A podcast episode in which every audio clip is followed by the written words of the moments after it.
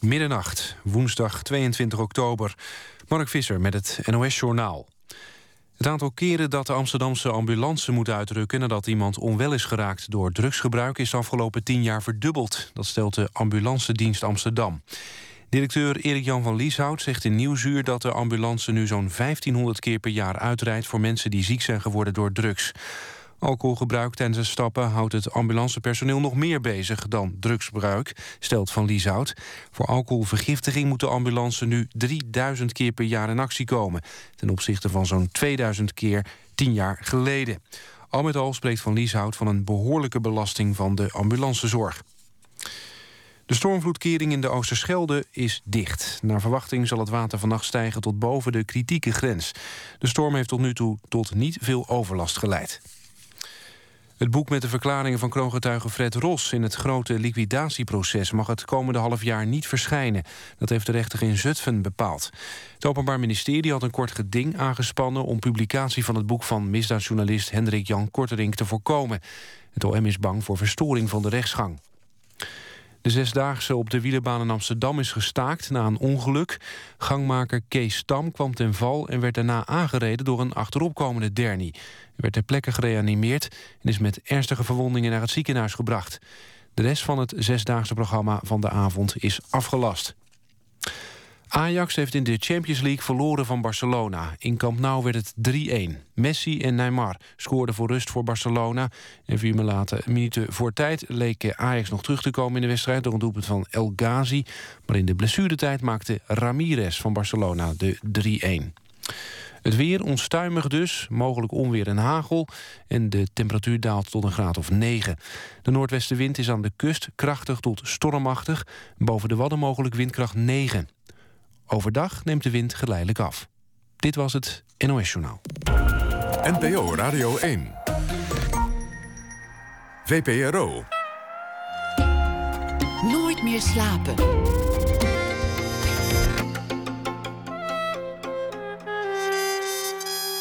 Met Pieter van der Wielen. Goedenacht en welkom bij Nooit meer slapen. Over bekende vaders en over de doden zal het gaan vannacht. En over stemmingswisselingen. Bij elke stemming een ander museum. Dat zou kunnen in het Stedelijk Museum. Een tour voor de verliefde of een rondleiding voor de katerige. Aandacht voor die mogelijkheid na één uur. Een hommage aan cabaretier Bram Vermeulen... die al tien jaar niet meer onder ons is. En we gaan het hebben over de kinderen van Karl Marx. Een voorstelling met de titel The Marx Sisters.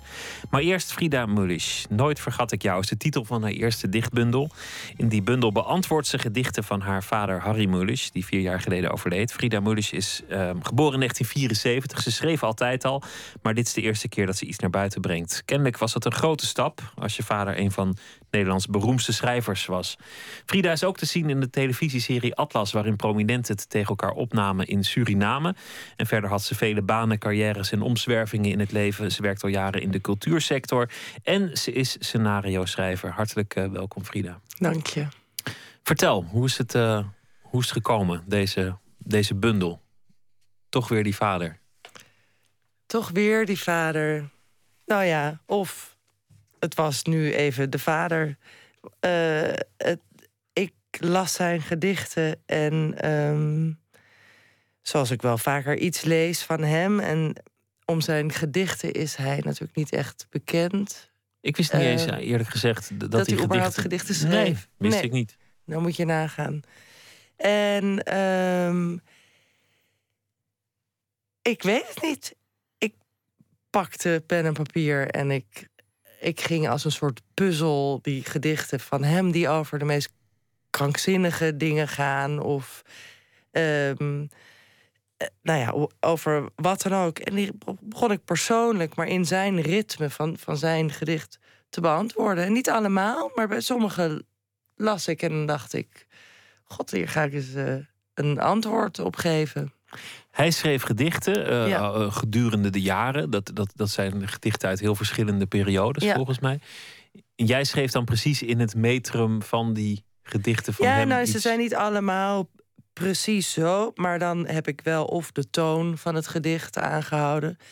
Um, en ik heb ook een paar in, wel echt helemaal precies zo geschreven. De, de punten, de puntkomma's, de, alles, het aantal lettergrepen, precies hetzelfde.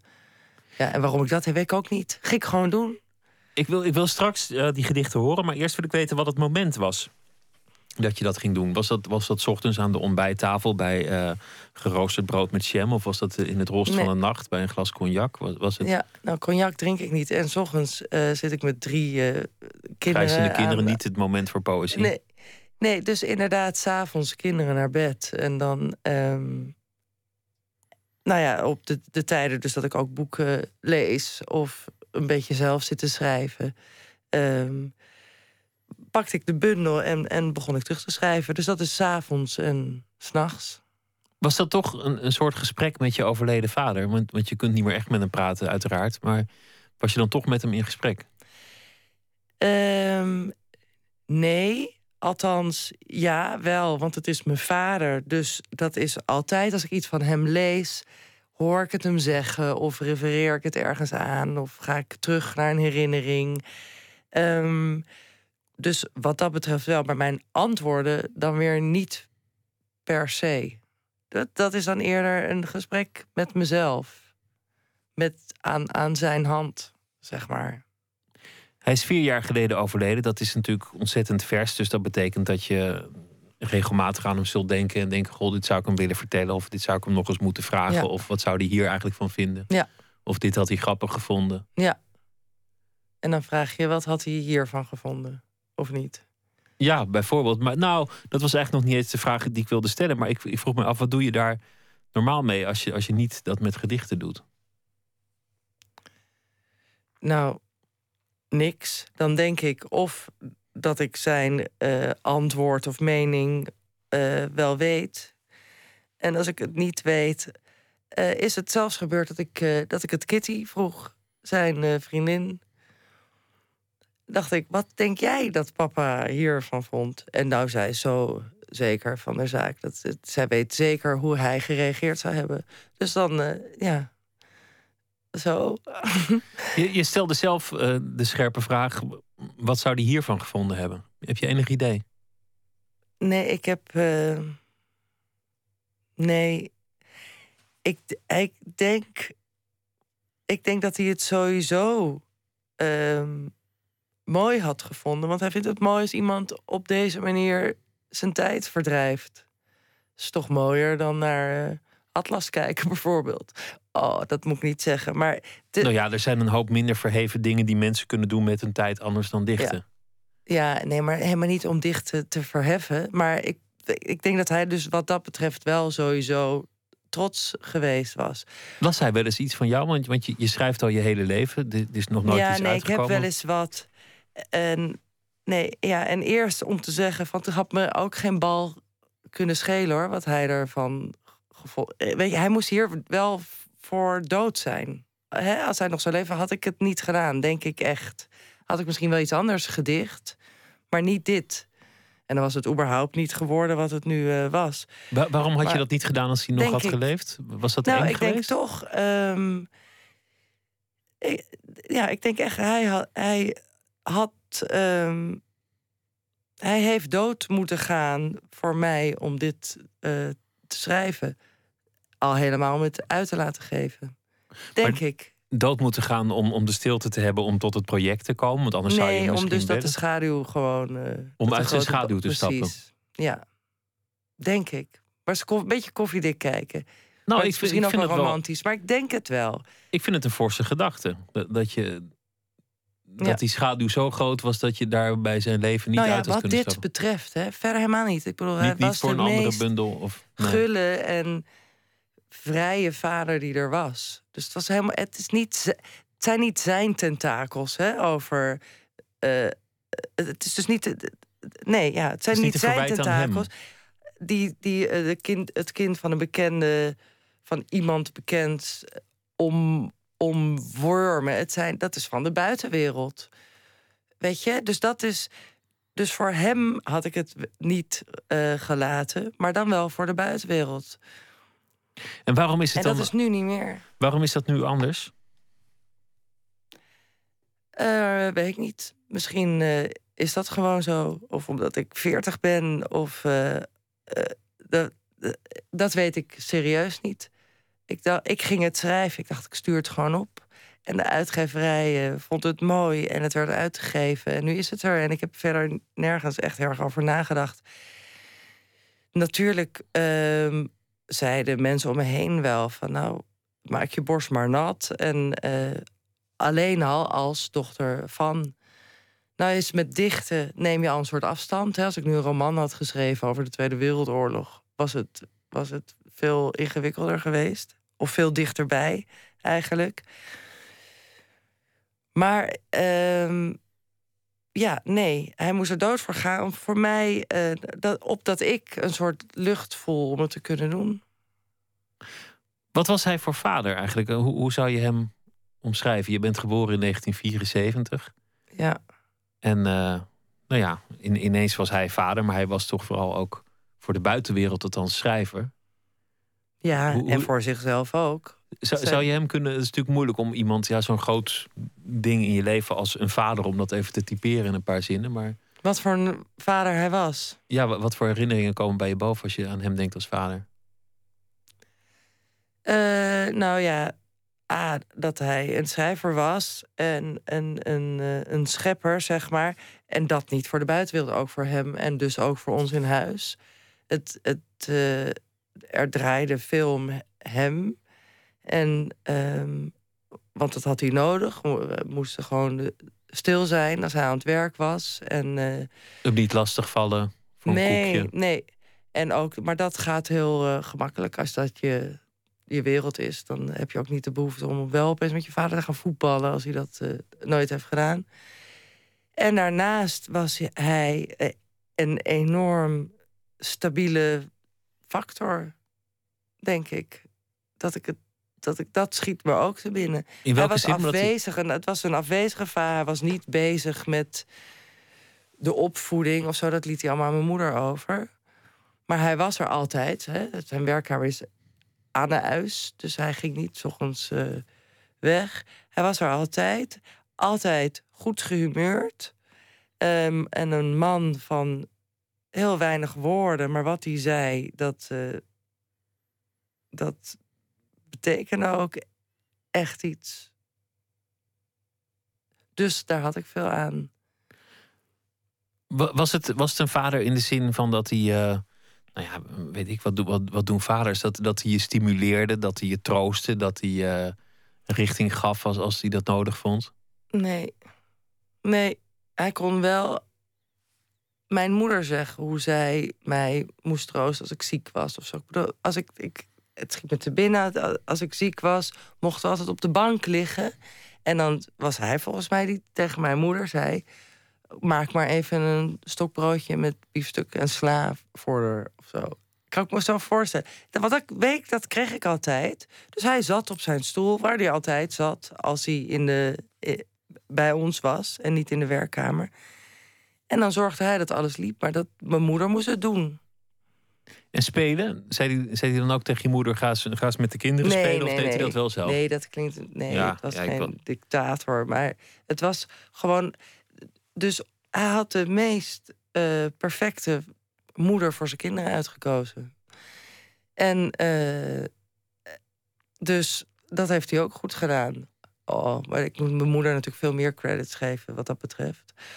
Maar dus hij was, nee, hij was niet betrokken of heel warm of met heel wijze woorden. En, maar aan de andere kant um, ook weer wel. Dus, dus die, ja, die herinneringen die ik heb van gekke liedjes zingen in de auto of mooie verhalen die hij vertelde. Of um, uh, volgens mij heb ik ook echt vier op een rij met hem gespeeld. Terwijl het was totaal geen spelletjesman.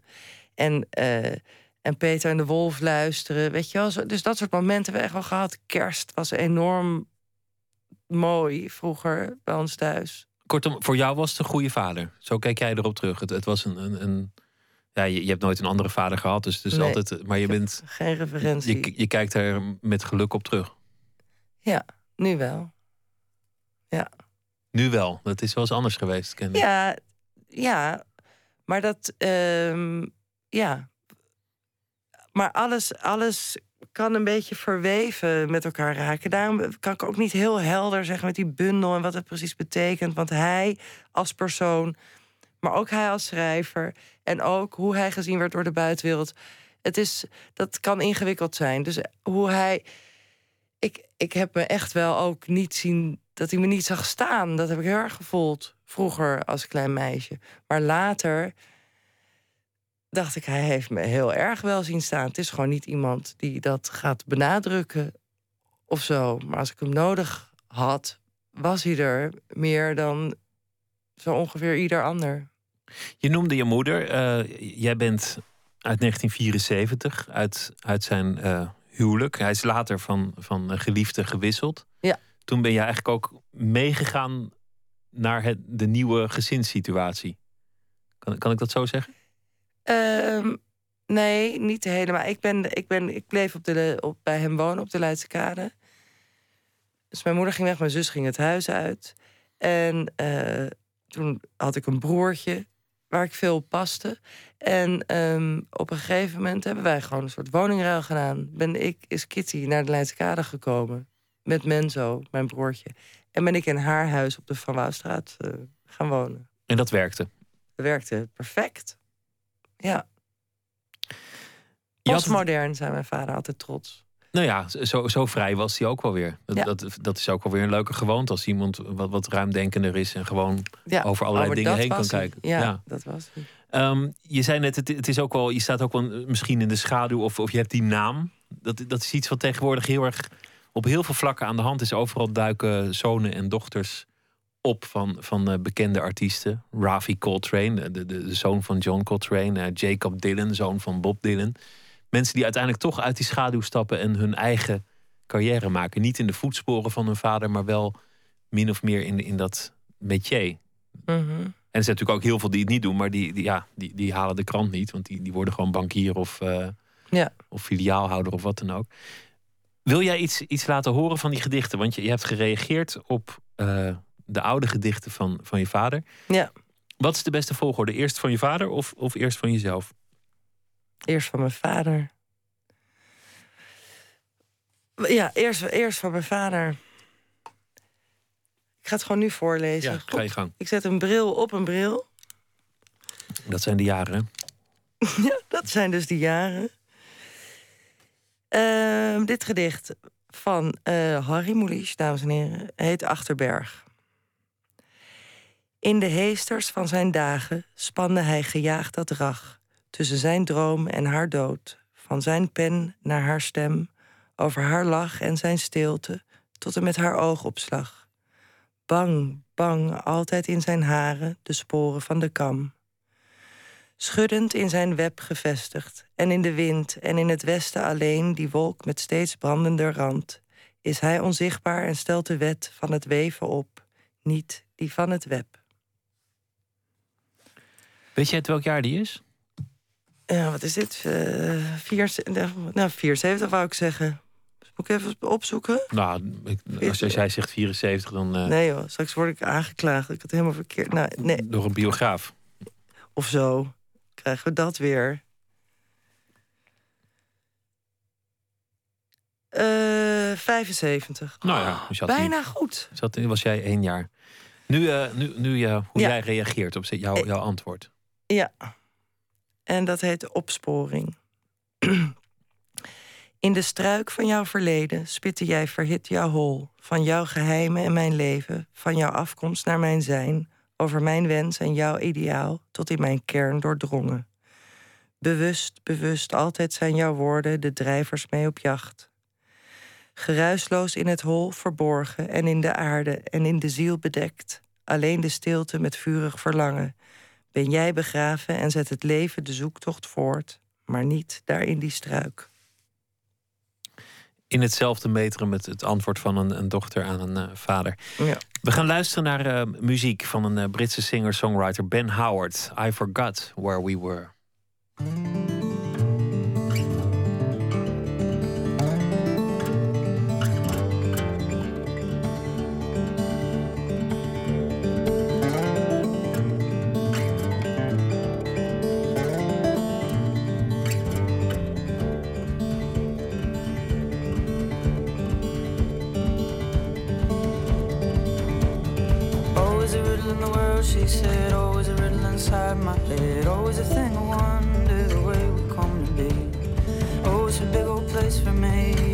Big old world indeed. Everyone is killing me and everything conspires. Mm, in dreams I have watched it spin. Seen the violent crack of atoms where all light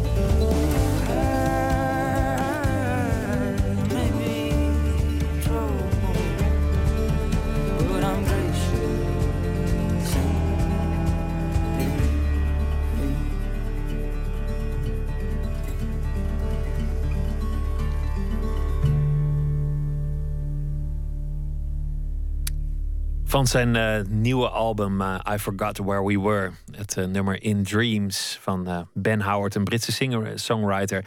Dit is een van de weinige akoestische nummers op die plaat.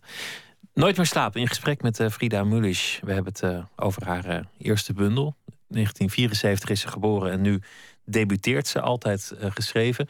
Je zei ja, dit specifieke werk, reageren op, op mijn vader, dat had nooit gekund als die nog had geleefd. Waarom heeft het eigenlijk verder moeten duren tot je veertigste voor je, voor je naar buiten kwam? Waarom was nu de tijd rijp? Nee, dat eh, weet ik echt niet. Dat, eh, dat bleek dus zo te zijn toen ik het had geschreven en dacht, ik stuur het op. Ik, ik weet het echt niet. Ik heb, ik heb vaker ehm, geschreven en eh, nou ja, ik heb het wel vaker verteld. Ik was op mijn twaalfde dus had ik een boek geschreven, De Man zonder schaduw. En dat liet ik mijn vader lezen en die zei meteen: Oh, daar moet je van maken. De schaduw zonder man. Dus die veranderde meteen mijn titel. En dus het hele boek. en, ehm, maar tegelijkertijd was hij ook heel trots en schreef ik veel te lange opstellen op school. Hè? En, ehm, en al die verhalen en dingen. En toen hij net dood was, had ik het volgens mij ook ergens gezegd. Dus toen kreeg ik ook reacties van mensen van schrijf eens iets. En toen ging ik expres een beetje suffe dingen schrijven, want ik was helemaal niet aan toe. En weet je, alsof er op me, op me gejaagd werd. Dus ik weet niet waarom ik het niet eerder deed. Ik, hè, misschien als het. eh, eh, ik weet niet of het aan hem lag of aan mij of aan waar ik, of ik er ergens bang voor was. Ehm, en nu niet meer. Ik weet, ik, Ik weet het serieus niet. Net zei je wel terloops. eh, Ik, ik ben nu 40 en, en dat, dat heeft maar me bevrijd. Nee, ja, ik dacht misschien is dat wel. Misschien, Nou ja, dat zou toch kunnen? dat je denkt van, nou ja, jezus, maak ik me eigenlijk zo druk over? Ja, nee, dat doe, heb ik sowieso, is dat wel mijn instelling. Maar, ehm, Als het al geweest. ja, weet je, dat is het. Ik, zoveel te verliezen heb ik niet. Eh, maar nee, ik, ik, het spijt me. Maar ik kan er niet zoveel moois eh, van maken. Heb je gevochten met, met die vader? Dat, dat vind ik interessant. Heb je, heb je als, als tiener. Je moet je natuurlijk losmaken. Dat moet, moet iedereen die in de puberteit komt. Dat is ook gewoon eh, biologisch bepaald. Maar Nee, omdat hij zo op de achtergrond was. Viel er niks ik te vechten? Met mijn moeder, ja. en dan vocht je maar met je moeder. ja. En hoe maakt hij je dan los van dat nest? Ehm, door me als een verschrikkelijke puber te manifesteren in Amsterdam. Ik ging gewoon weg en, mijn, en bezorgde mijn moeder slapeloze nachten. En ik heb werkelijk geen idee. Wat, of, van, ik denk dat mijn vader gewoon lekker sliep. Die was daar niet mee bezig. Die dacht, En ach, dat- die komt wel thuis. Dat denk ik. Vol vertrouwen. Ja. Wat ook weer lastig is hè, als dochter. Want je, je wil gewoon grenzen van je vader. Of begrip, of eh, een klap, weet ik veel, iets. Maar niet gewoon maar dat vertrouwen. En mijn Nee, moeder ja. was alleen maar bezorgdheid. Dus dat is dan ook weer irritant. En wat was jij in de tussentijd aan het doen? Terwijl, terwijl de een sliep en de ander wakker lag? Ja, dat, in, ja, dat denk ik, dat hij lekker sliep. Eh, dan hing ik eh, rond op het Leidseplein... of op de kermis op de Dam of zoiets verschrikkelijks. Tot, eh, tot, de- tot de kleine uurtjes. En dan. Ja, nou ja, met mijn vriendin. En dan zei ze... Het, of, nee, haar ouders maakten het volgens mij gewoon bal uit... dat wij toen we veertien waren in korte rokjes met lippenstift weggingen. Dus ik zei dat ik bij haar sliep. En dan deden we bij haar thuis de hoorn van de haak. Want dat kon toen nog.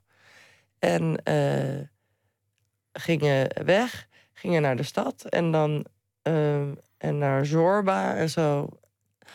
Verschrikkelijk. Ik heb nu zelf kinderen. Het is echt... Over drie jaar is mijn dochter zo oud als ik toen. Nou, mooi niet dat zij... eh, Maar het is, het is natuurlijk gewoon nodig. En ik gun iedereen een goede puberteit. En is ook allemaal, bedoel, het is ook allemaal lang geleden. En je gaat, je gaat lekker klooien. Maar ik bedoel, dat is, dat is toch gewoon leuk ook. ja, Dat, dat, dat is gewoon een, gewoon een fase. Wanneer kwam de richting in je, in je leven? nou ja, nu dus. Nu heb ik die Nu- bundel geschreven. dat, is- dat, is, dat is rijkelijk laat, zou ik zeggen. Ja, nou ja, god, waar hebben we die, waar die richting maar naartoe? Waar heb ik dat eh, nou echt voor nodig? Ik, ben, eh, ik heb drie superkinderen, ik ben een leuke moeder. Dat, dat is, is voor mij genoeg. Dat, is de- dat kan toch ook een richting zijn? Ja, precies. Dan is dat mijn richting. Maar dat is niet de enige richting die ik wens.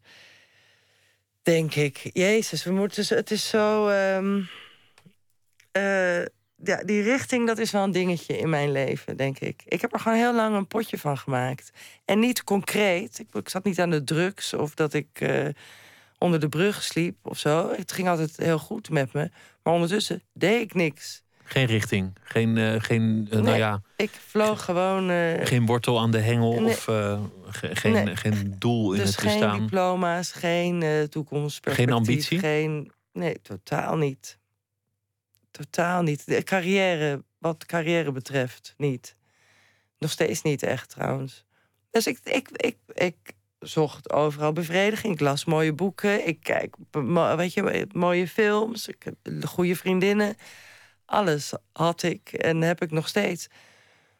Maar ehm, ja, Maar dat, fucking dat is stuurloos om even. stuurloos. En je, je ja. zei net, ik heb eigenlijk toch helemaal niks te verliezen. Gaat het dan ook daarover als je dat zegt? Nee, met ik heb niks te verliezen gaat het erover als mensen mij afbranden of een mening hebben of zo. Wat, oh, wat de, weet je, dat kan mij echt geen bal schelen.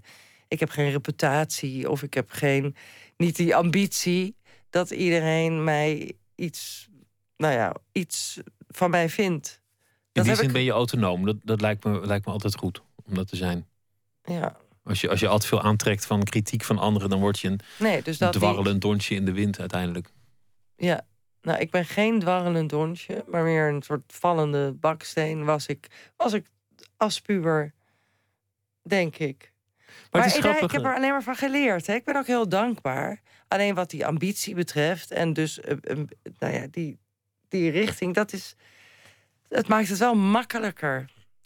En waarom ik dat niet heb, dat komt vast door het vertrouwen dat mijn vader in me had. Eh, maar ja, ik weet het niet. Ik wil hier best jarenlang iedere avond komen. Ga ik gewoon bij je in analyse en dan bespreken we het allemaal. Nee, dus dan zou ik een ander kiezen. Die, die, die kosten meer, maar die zijn er ook uiteindelijk beter in. Dus, dus dat zal je meer opleveren. Je kan het wel bij mij doen, maar dan kom je na 30 jaar naar buiten en dan ben je nog niks verder. Maar ik vind, ik vind wel interessant wat jij zegt. Ik lees goede boeken, ik kijk goede films, ik, ik heb een, een, een leuk gezin, ik heb leuke vrienden, ik heb eigenlijk een heel leuk leven, maar ik heb geen ambitie. Daar zit iets paradoxaals in, want als je echt geen ambitie had, dan zou je niet eens opmerken dat je het niet had. Nee, maar daarom zei ik, ik heb geen ambitie wat carrière betreft, zei ik dus net ook. En het is dus niet dat ik, dat ik helemaal verloren was. Dat ben ik nooit geweest. Want ik zocht mijn bevrediging, ook intellectueel. Die, weet je, die, die vond ik. Dus eh, ik was niet. ehm, het was niet verloren, maar nu in retrospect. En als ik terugkijk naar mezelf en bovendien het projecteer op mijn eigen oudste dochter, denk ik. Zo zonde. Ik heb zoveel geleerd. Maar ik had wel ook gewoon daarmee kunnen stoppen met dat leren van de, met hè, mijn algemene ontwikkeling. En op een gegeven moment kunnen, oké, nou, nou, en dan ga ik nu die richting op. En dat heb ik niet gehad, behalve het moederschap. Daar zit ook een beetje in dat je eigenlijk je talenten hebt verspeeld. Voor je gevoel tot nu toe. Oh ja, eh, eh, nou, ervan uitgaande dat ik talenten heb, dan wel. Heb je talenten? Nou, dat is, vind ik niet aan mij, omdat, nee, dat, Nou, dat weet je wel, toch? Of je, of je die hebt. Ehm, nou ja, ik denk dat ik heel goed kan schrijven. Ehm, en zo heb ik nog wel wat talenten. Eh, maar nee, als je er. Ja, het gebeurt natuurlijk heel vaak dat mensen een talent hebben en er niks mee doen. En ook andersom. band. Er zijn ook mensen Ja. die een schrijversopleiding gaan doen, die denken: ik wil schrijver worden. Nou, dat gaat natuurlijk ook niet werken. Hè, om nu even het schrijverschap te benoemen. Dus dat zei mijn vader ook altijd. Je hebt de wil en het talent. Zijn maar weinig mensen die het allebei hebben. Zoals hij. Hij maakte ook een potje van, werd van school gestuurd. Deed alleen maar waar hij zelf zin in had. Er had totaal geen toekomstperspectief. Nou ja, misschien met die scheikundeproeven nog even, maar vervolgens niet. Want schreef, liet zich onderhouden door vriendinnen. En het werkte. Dus hij had het talent en die wil. En een enorme dosis zelfvertrouwen. En het lukte, ja. En dan kom je toch weer bij, als je vader zo iemand is en je begeeft je een beetje in zijn vaarwater, maak je het een beetje moeilijk voor jezelf. Heeft hij jou dat zelfvertrouwen overgedragen? Heeft, heeft hij jou als dochter net zoveel vertrouwen in jouzelf gegeven als hij in zichzelf had? Nee, als dat al mogelijk zou zijn, volgens mij is dat niet iets wat je gegeven wordt. Ik bedoel, je kan als ouder honderd keer zeggen tegen je kind dat ze mooi is zoals ze is. Of eh, eh, weet ik veel, al die clichés die we onze kinderen leren. Maar als een kind, een kind kan het net zo goed niet voelen. Volgens mij. Nou ja, de, de, kijk, de, dat genie van je vader was vrij ruimschoots aanwezig in huis. Ja, maar kon, hij kon mij ook wel het vertrouwen geven in hem. Dat ik mezelf kon zijn bij hem. Maar volgens mij kan je. Maar dat weet ik niet zeker. Maar dat denk ik. Dat een ouder niet zijn kind kan leren heel veel zelfvertrouwen te hebben. Wel vertrouwen in iets of iemand, maar niet zelfvertrouwen per se. Dat denk ik niet. Nou ja, net zei je, het kan me eigenlijk niet zoveel schelen wat anderen van mij vinden. Nee, dan lijk ik op hem, ja. Ja, dat, dat klinkt dat naar zelfvertrouwen. Oh. Dan ben je niet heel onzeker volgens mij. Ehm, nee, ik ben niet heel onzeker. Dat is waar. Dus dat, dat is dan ook niet de reden dat, dat, je, dat je altijd richting miste. Of... Nee, maar volgens mij hadden we dat al benoemd. Dat het gaat niet zozeer over hem dat ik dingen niet deed of over mij, maar om die buitenwereld. Misschien heb ik dat een veel te grote rol gegeven. Maar goed, ik, ik heb geen referentie. Ik ben zijn dochter. En ik merkte, hè, zoals ik aan de ene kant nooit heb gerealiseerd hoe bekend hij was. Dat dat me echt oprecht verbaasde. Helemaal toen hij stierf, al die aandacht van... Huh, weet je, hoeveel mensen lezen nou echt? Dus dat, maar aan de andere kant altijd mee geconfronteerd ehm, geweest met, met wie hij was. Door ouders, door leraren, door, oh, door op straat te lopen. Ja, dat, dat, heeft mij, dat is toch een soort handicap geweest voor mij, denk ik. Geweest. We spreken in de, in de verleden tijd. Ja. Ik noemde in de inleiding dat je ook in een ehm, televisieserie eh, zit. Je, je noemde het zelf ook al. Eh, je bent naar Suriname geweest met eh, onder de bezielende leiding van, van Lauren Verster. Nou, ja. Hoe, hoe kwam je daarbij verzeld eigenlijk? Hoe, hoe ging dat? Die, die, die belde mij gewoon op. Of ik mee wilde doen. En eh, Jonge schrijfster, eh, bekend figuur in Amsterdam. Ja, waarschijnlijk dat. En het is de afro. En doorgaans doen toch ook ander soort mensen misschien... Nou, dat is niet helemaal waar. Ik wil zeggen, ander soort mensen mee aan dat soort programma's. Maar het is natuurlijk helemaal niet het Barbie en Sterretje niveau, volgens mij. Als ik kijk naar al dat soort programma's. Jij kijkt geen televisie, volgens mij. Nee, ik, ik heb ook ik geen ook tv. niet. Dus ik, Dus ik, ik, eh, kende het ook niet. Ik kijk nooit televisie, maar ik ben dus nu verslaafd aan Expeditie Robinson bijvoorbeeld. Dat is hetzelfde soort. En nou ja, goed, prachtig gemaakt ook. Ehm, maar goed, nee, ja, die vroegen of ik meeging. En ik dacht eh, meteen, eh, ik ga dit doen. Waarom? Nou ja, waarom hè? Weer zo onbezonnen. Dit, toch weer die vlierenfluiter. Die, die weer geen richting en dan maar mee. Nou ja, het kan toch ook leuk zijn? Het kan toch ook zijn Nee, het was van, echt super. En de Richard, dus de eten en vader drinken van van de de, kinderen... afro, leuke reizen op Nou, gaan. reis met kip, gewoon twee keer per dag, een Nou maand dan. lang. En ehm, Richard kon bij, dus de, mijn man, die kon, die kon bij de kinderen blijven. Dus dat was ook de- wel zo makkelijk. En ik heb, ik heb de poen niet om een reis, om een maand door Suriname te gaan reizen. En ehm, ook weer, daar had ik zoiets van: ik heb niks te verliezen. Ik heb geen eh, reputatie hoog te houden. Ik heb geen image of eh, imago eh, van, van het een of het ander. En ik heb er dus ook geen seconde spijt van gehad. Nou, dat is toch ook wel lekker vrij dat je, dat je zo eh, Ja, in, in, in dat soort avonturen kunt, eh, kunt stappen, al met al. ja. T- Toch, toch proef ik daarin, als je, als je het zegt van, van nou ja, aan de ene kant lekker vrij en ach joh, ik doe het en, en vlierenfluiter en, en een avontuurlijk leven.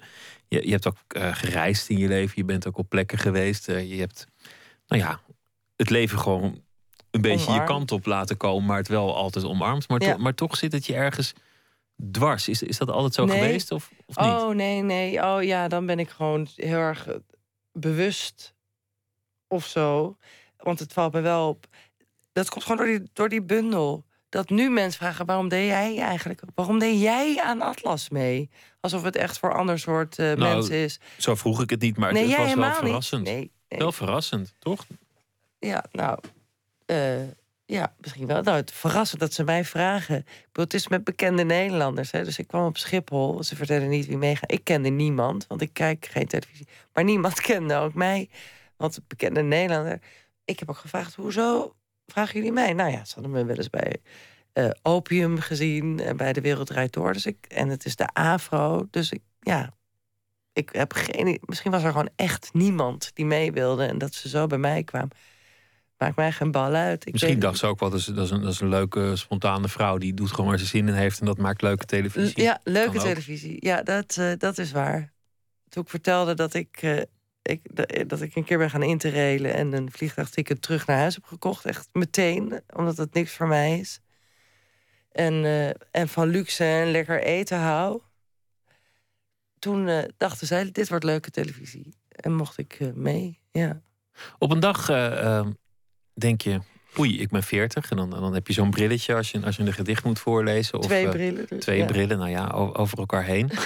en bij sommige mensen leidt dat tot de schrik van oei, dit is mijn leven tot nu toe. Bij anderen leidt het tot een soort bevrijding van, eh, nou ja, dit, dit kan ik achter me laten, dit heb ik eigenlijk allemaal niet meer nodig. Of eh, ach, wat, wat, het zal me ook wat. Heb, heb jij zo'n moment be- beleefd? Ehm, ja, eigenlijk wel. Eigenlijk heb ik wel. ehm, ik ben nu 40 en ik zie mijzelf en ook mijn vriendinnen echt nog als meisjes. Soms sla- ik de krant open en zie je zo'n professor en een eh, grijze meneer met dan hetzelfde ge- geboortejaar als ik heb. Dat ik echt denk, "Oh, dat, is, dat, dat is serieus zo. Maar ouder worden gaat het ook echt in stappen. Dus ik, ik heb letterlijk dat ik 's ochtends wakker word in de spiegel kijk en denk: Oké, nou nu ben ik echt weer ouder geworden. Dat je het ziet gewoon aan je features, zeg maar. En ehm, eh, nou ja, goed. En sinds kort heb ik dus wel met 40 van er ligt al zo'n leven achter me, maar ook nog een heel leven voor me. En dat moet ik echt, dat, dat, daar moet ik echt nu iets mee gaan doen. Dat klinkt als een verandering. Daar moet ik echt nu iets mee, gaan doen. Dat, dat klinkt als een soort treurnis van dat heb ik niet gedaan. Nee, nee, nee, zo niet. Nee, Nee? zo bedoel ik het niet. Maar wel van dat ik het me realiseer en het gaat zo snel, helemaal met kleine kinderen. En hun jeugd kan ik nooit meer overdoen. Dus ik, dat, dat, ja, daar, daar ben ik heel erg bewust eh, van. Ik zit even te denken, wat, ik had vandaag nog iets. Dat ik, dat, dat ik dacht dan, nou ja, ik, ik word dus gewoon bewuster van dingen. Heb je zulke voornemens eerder gehad? Is, is er eerder een moment geweest dat je, dat je dacht van... eh, nu, nu gaat het roer om, nu ga ik toch echt eens een keer Nee, de schouders echt. eronder zetten. Nu ga Nee. ik het anders doen. Echt niet? Nee, nee, niet op deze manier. Vast wel van, ik van oh, nou, dit vind ik zo kutschool. Ik ga nu naar de volgende middelbare school. Maar nee, niet. Nee, heb ik echt niet eerder gehad. Het is heel leuk om het wel te hebben. Ja, Ja. zo klinkt het. La- Laten we gaan luisteren naar ehm, muziek van eh, Candy Staten. Beware, she's after your man is de waarschuwing.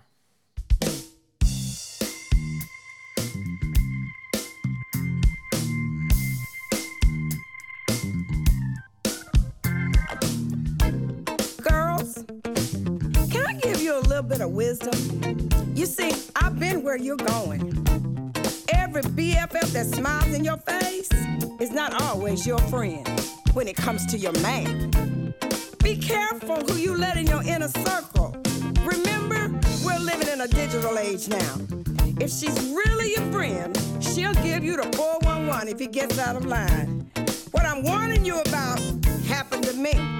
Like my sister Maggie always says, people change, but not much. Beware. Beware. She's after your man. Yeah. Ha. Beware. Beware. Beware. She's after your man. Ooh. Be careful. Be careful. Yeah, yeah, yeah. She'll get him if she can.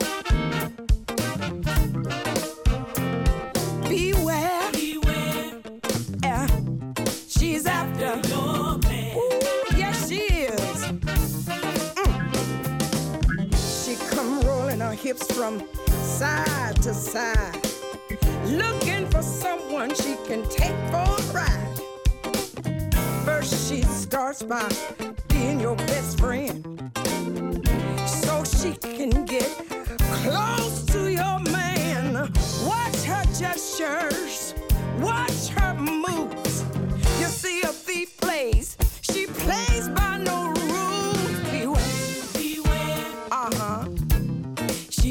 She's man. Yes, she is. Beware, beware. Oh, she's after your man. Ooh. Be careful. Be careful. She'll take him if she can. She wears more makeup than she really needs. Showing more cleavage than you need to see. Her skirt is split, her shorts are too short. You don't know where she is. The stars. Uh. well, that's the way it is. See all that, all that goes together. She know exactly what she's doing. Her voice is sexy, a tantalizing smile. Don't let that fool you, girl. That's her style. Beware. Beware. Oh, she's after your man. She doesn't have one, so she wants yours. Beware. Beware. Oh, yeah. She's after your man.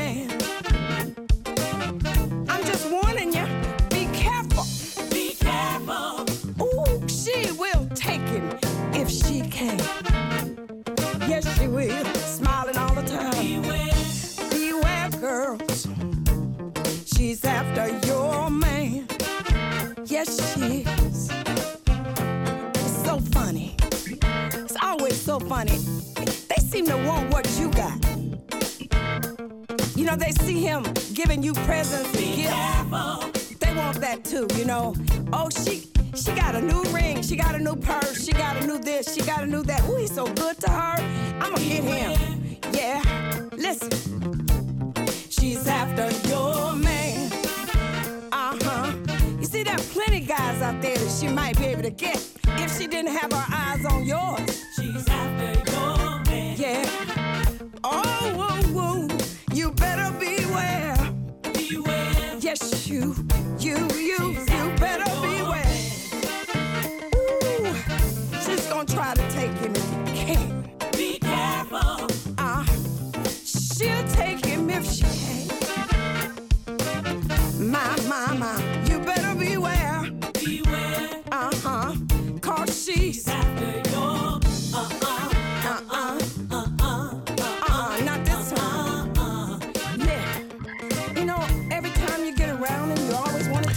74 jaar oud is eh, Candy Statten. Ze, had, eh, was een soulzangeres. In de jaren 70 scoorde ze hits. Ze heeft nog een tijdje een eh, soort eh, disco-fase gehad. En volgende week komt een nieuw album uit, Life Happens. En daarop staat dit nummer, Beware, She's After Your Man. Nou, 74 nog een plaat uit en de titel Life Happens, Frida Moelis. Dus alles... Valt weer samen. Alles is, alles is mogelijk. eh, eh, de, de weg ligt open. Een van de dingen die je ehm, hebt aangekondigd dat je zou willen doen, is een, een dramaserie over je vader maken.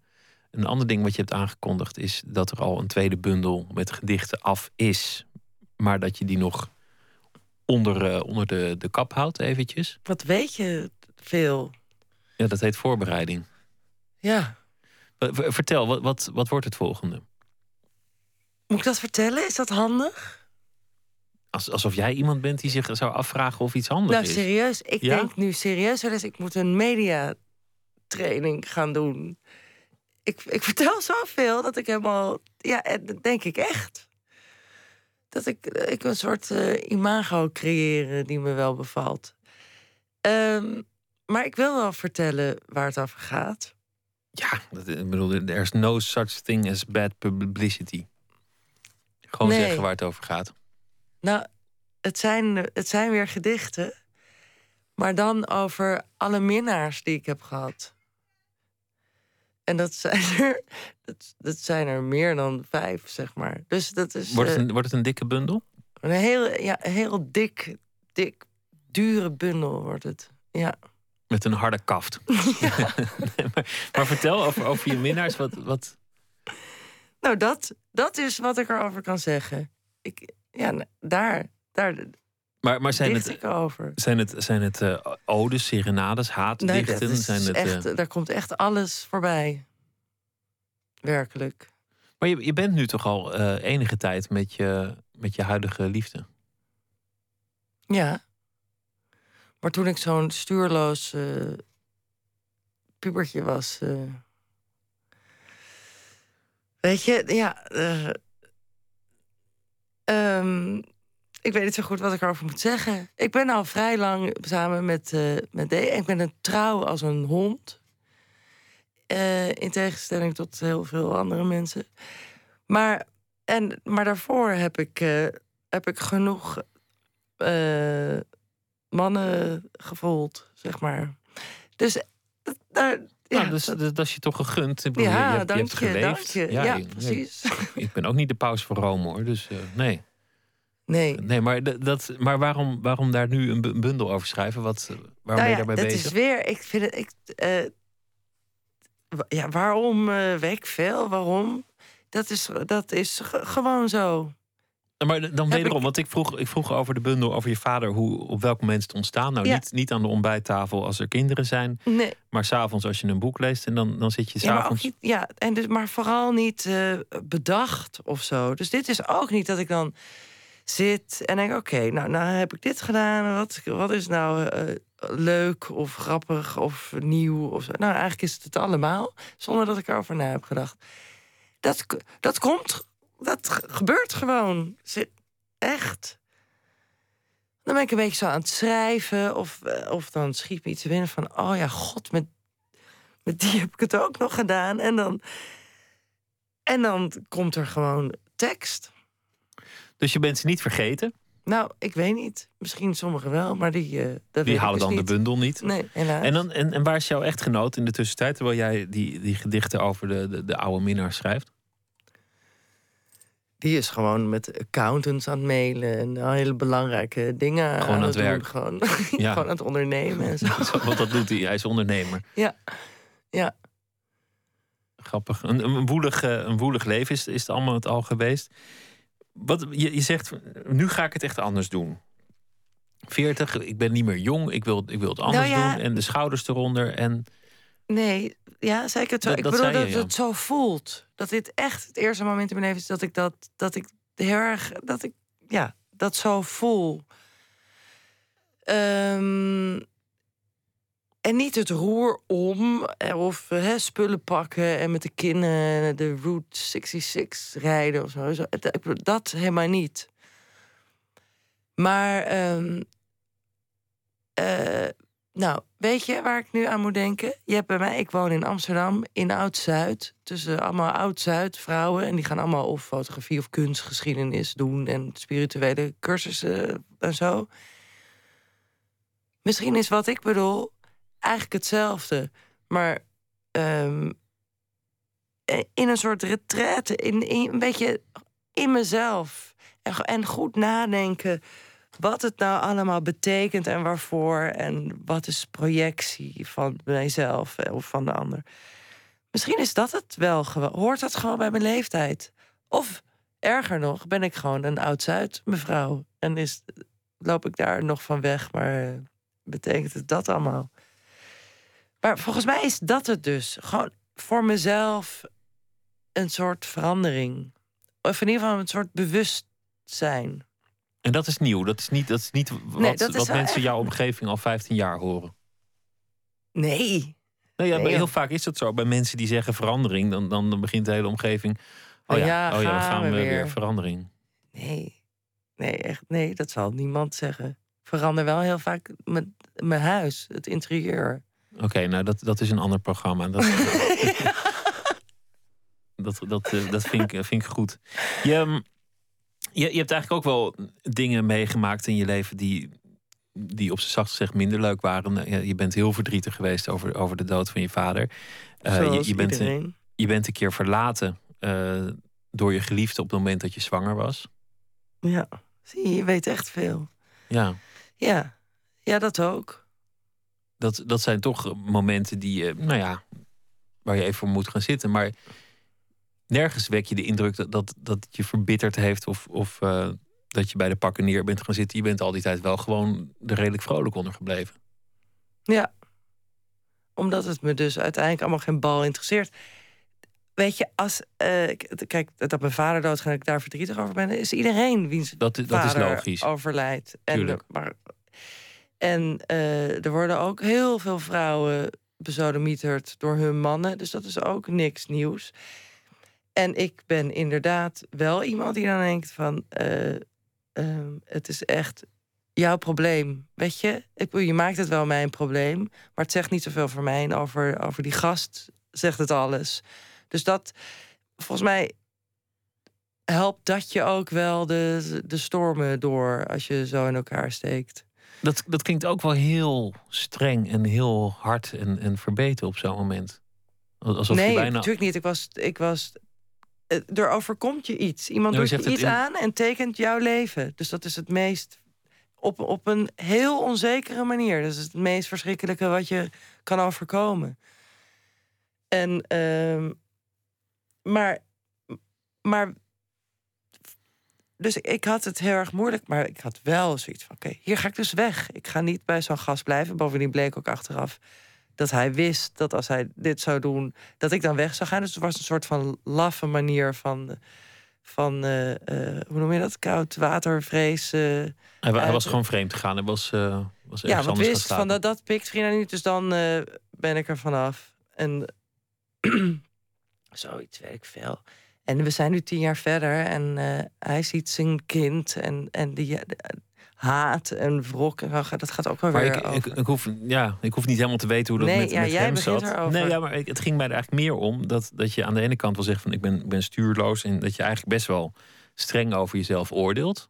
Val- Valt mij op dat, van over, je- over je leven tot nu toe. Terwijl je aan de andere kant kan zeggen van nou, ik heb best een en ander meegemaakt, maar ik ben, ben er vrolijk onder gebleven en ik, ik, eh, ja, nee, maar ik heb ja, een leuk leven gehad, ik heb een rijk leven gehad tot nu toe en, en eh, nu heb ik ook nog een bundel uit. Maar dat leer ik ook mijn kinderen. Dat vriendschap is toch wel een van de belangrijkste dingen. Het is echt belangrijk dat je kunt delen en dat je lief bent voor elkaar. Dat natuurlijk sowieso. Maar dat je ook dat vriendschap echt onderschat dat niet. Dat heeft mij echt overal doorheen. Mijn vriendinnen. Dat, en, ehm, en ik ben super trouw en, en, ehm, en heel erg verdrietig geweest. En niet streng voor mezelf. Maar ik ben wel duidelijk of zo. Ik ben geen slachtoffer, denk Dat, ik. dat duidelijke, dat, zeg maar die manier van verwoorden, dat, dat- dat, besliste. Sorry dat ik zeg, maar daar herken ik je vader een beetje in. Ja. Ja, hij meende het ook. Ja, dat vind ik wel tof om te horen, moet ik zeggen. Maar, ehm, maar ik meen het wel. Maar ik wil niet verkeerd overkomen of zo. Ja, Dus, ja, maar, maar- goed, wat ik dus heb meegemaakt, ja, dat, het- zo, zo bijzonder is het niet. En, ehm, eh, Wa- en Was je vader er trouwens op zo'n moment om je te troosten? Dit is misschien een leuk voorbeeld om, om, het, om het wat concreter te maken van hoe, hoe hij was. Eh, ja, zeker. En dan weliswaar met weinig woorden. Ik weet nog dat ik was er achter gekomen. Dus van dat vreemdgaan was één nacht. Eh, Hij kwam niet thuis. Dus eh, nou, weet je, zo gedoe zoals het gaat. Ehm, en toen ben ik naar mijn vader toe gegaan. En mijn vader zei... Oh, eh, als ik vroeger... of nee, wat zei hij? Ik maakte altijd meteen dat ik wegkwam na de daad. Dan blijf je toch niet slapen? Dat, zo is zijn reactie. In eerste instantie. Dus ja, dan kan je denken van... eh, lummel, waarom eh, troost je me niet of zo? Maar dat was... Nou, daardoor werd eigenlijk alles duidelijk. En, en, en goed, en ondertussen kwamen al mijn vriendinnen... en, en zorgden die dat, er, dat we lekker konden eten. Dus hij was er onvoorwaardelijk. En met weinig woorden. En als hij iets zei, was het ook wel terecht. En er zit ook wel eigenlijk wel een soort humor in zo'n opmerking. Er zit Misschien niet het altijd- meest zachtaardige, maar het is, wel, het is ook wel. Nou, mij doet dat dan Grappig. geen pijn. Nee, Het was, een, het was een toffe vader eigenlijk. ja, het was gewoon een coole gast, was het. Die oude Harry. Dank dat je eh, te gast wilde zijn. Ik, ik noem de, de bundel die, eh, die je hebt geschreven met antwoorden op de, de gedichten van eh, Harry Mulisch. Nooit vergat ik jou. Frida Mulisch, dank je wel. Dank je. Nooit meer slapen gaat zo meteen verder. Dan gaan we het hebben over eh, museumtours voor verschillende stemmingen. Voor mensen met eh, verdriet of mensen die juist verliefd zijn of mensen met een kater. En eh, u krijgt ook een, een verhaal bij de dag. Dat doen we elke keer. En dat is Joris van Kasteren. Die schrijft deze week elke dag een verhaal over de afgelopen dag. Het VPRO NMS of via de mail nooitmerslapen@vpro.nl.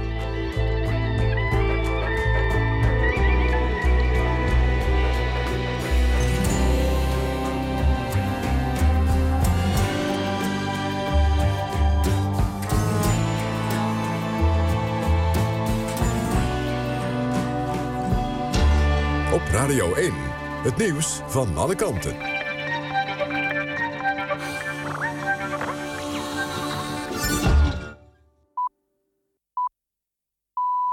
1 uur, Mark Visser met het NOS-journaal. De najaarstorm waar Nederland mee te maken heeft... heeft ertoe geleid dat allerlei waterkeringen in werking zijn gesteld. Zo is de stormvloedkering in de Oosterschelde dicht... En Rijkswaterstaat bestuit uh, om deze tijd of ook de Maaslandkering tussen Hoek van Holland en Maasluis dichtgaat. In 2007 gebeurde dat voor het laatst. Volgens Rijkswaterstaat is de Maaslandkering nog nooit gesloten vanwege een waterpeil boven de 3 meter NAP. En dat is nu mogelijk wel het geval. Die hoogte is gevaarlijk voor de dijken in het Oosterscheldegebied en op andere plekken. Op de Noordzee is een sleepboot door de noordwesterstorm een grote duwbak verloren. Volgens de kustwacht gebeurde dat zo'n 70 kilometer ten noordwesten van Den Helder. Er is daar sprake van windkracht 8 met uitschieters naar windkracht 9. De sleepboot An Avant 20 raakte op volle zee een 135 meter lange duwbak kwijt. Die is geladen met 15.000 ton stenen. De op drift geraakte bak bedreigde twee boorplatformen... maar volgens de kustwacht is dat gevaar geweken. De kustwacht heeft extra personeel opgeroepen... en een andere sleepboot op de losgeslagen duwbak afgestuurd. Het aantal keren dat de Amsterdamse ambulance moet uitrukken... nadat iemand onwel is geraakt door drugsgebruik... is de afgelopen tien jaar verdubbeld. Dat stelt de Ambulancedienst Amsterdam. Directeur Erik-Jan van Lieshout zegt in Nieuwsuur... dat de ambulance nu zo'n 1500 keer per jaar uitrijdt... voor mensen die ziek zijn geworden door drugs. Alcoholgebruik tijdens het stappen houdt het ambulancepersoneel nog vaker bezig, stelt Van Lieshout. Voor alcoholvergiftiging moet de ambulance nu 3000 keer per jaar in actie komen, ten opzichte van zo'n 2000 keer tien jaar geleden. En al met al spreekt Van Lieshout daardoor van een behoorlijke belasting van de ambulancezorg. Het weer onstuimig dus, met mogelijk onweer en hagel. Noordwestenwind is aan de kust krachtig tot stormachtig... en boven de wallen dus mogelijk windkracht 9. In de loop van de dag neemt de wind geleidelijk af. Dit was het NOS Journaal. NPO Radio 1. VPRO. Nooit meer slapen.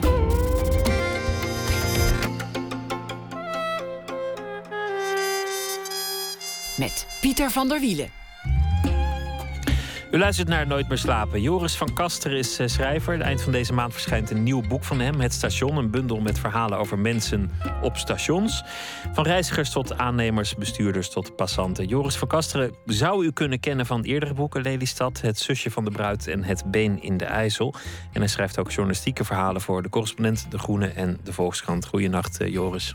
Hoi, goedenacht. Daar ben ik weer. Deze week schrijf je elke dag een uh, verhaal over de afgelopen dag.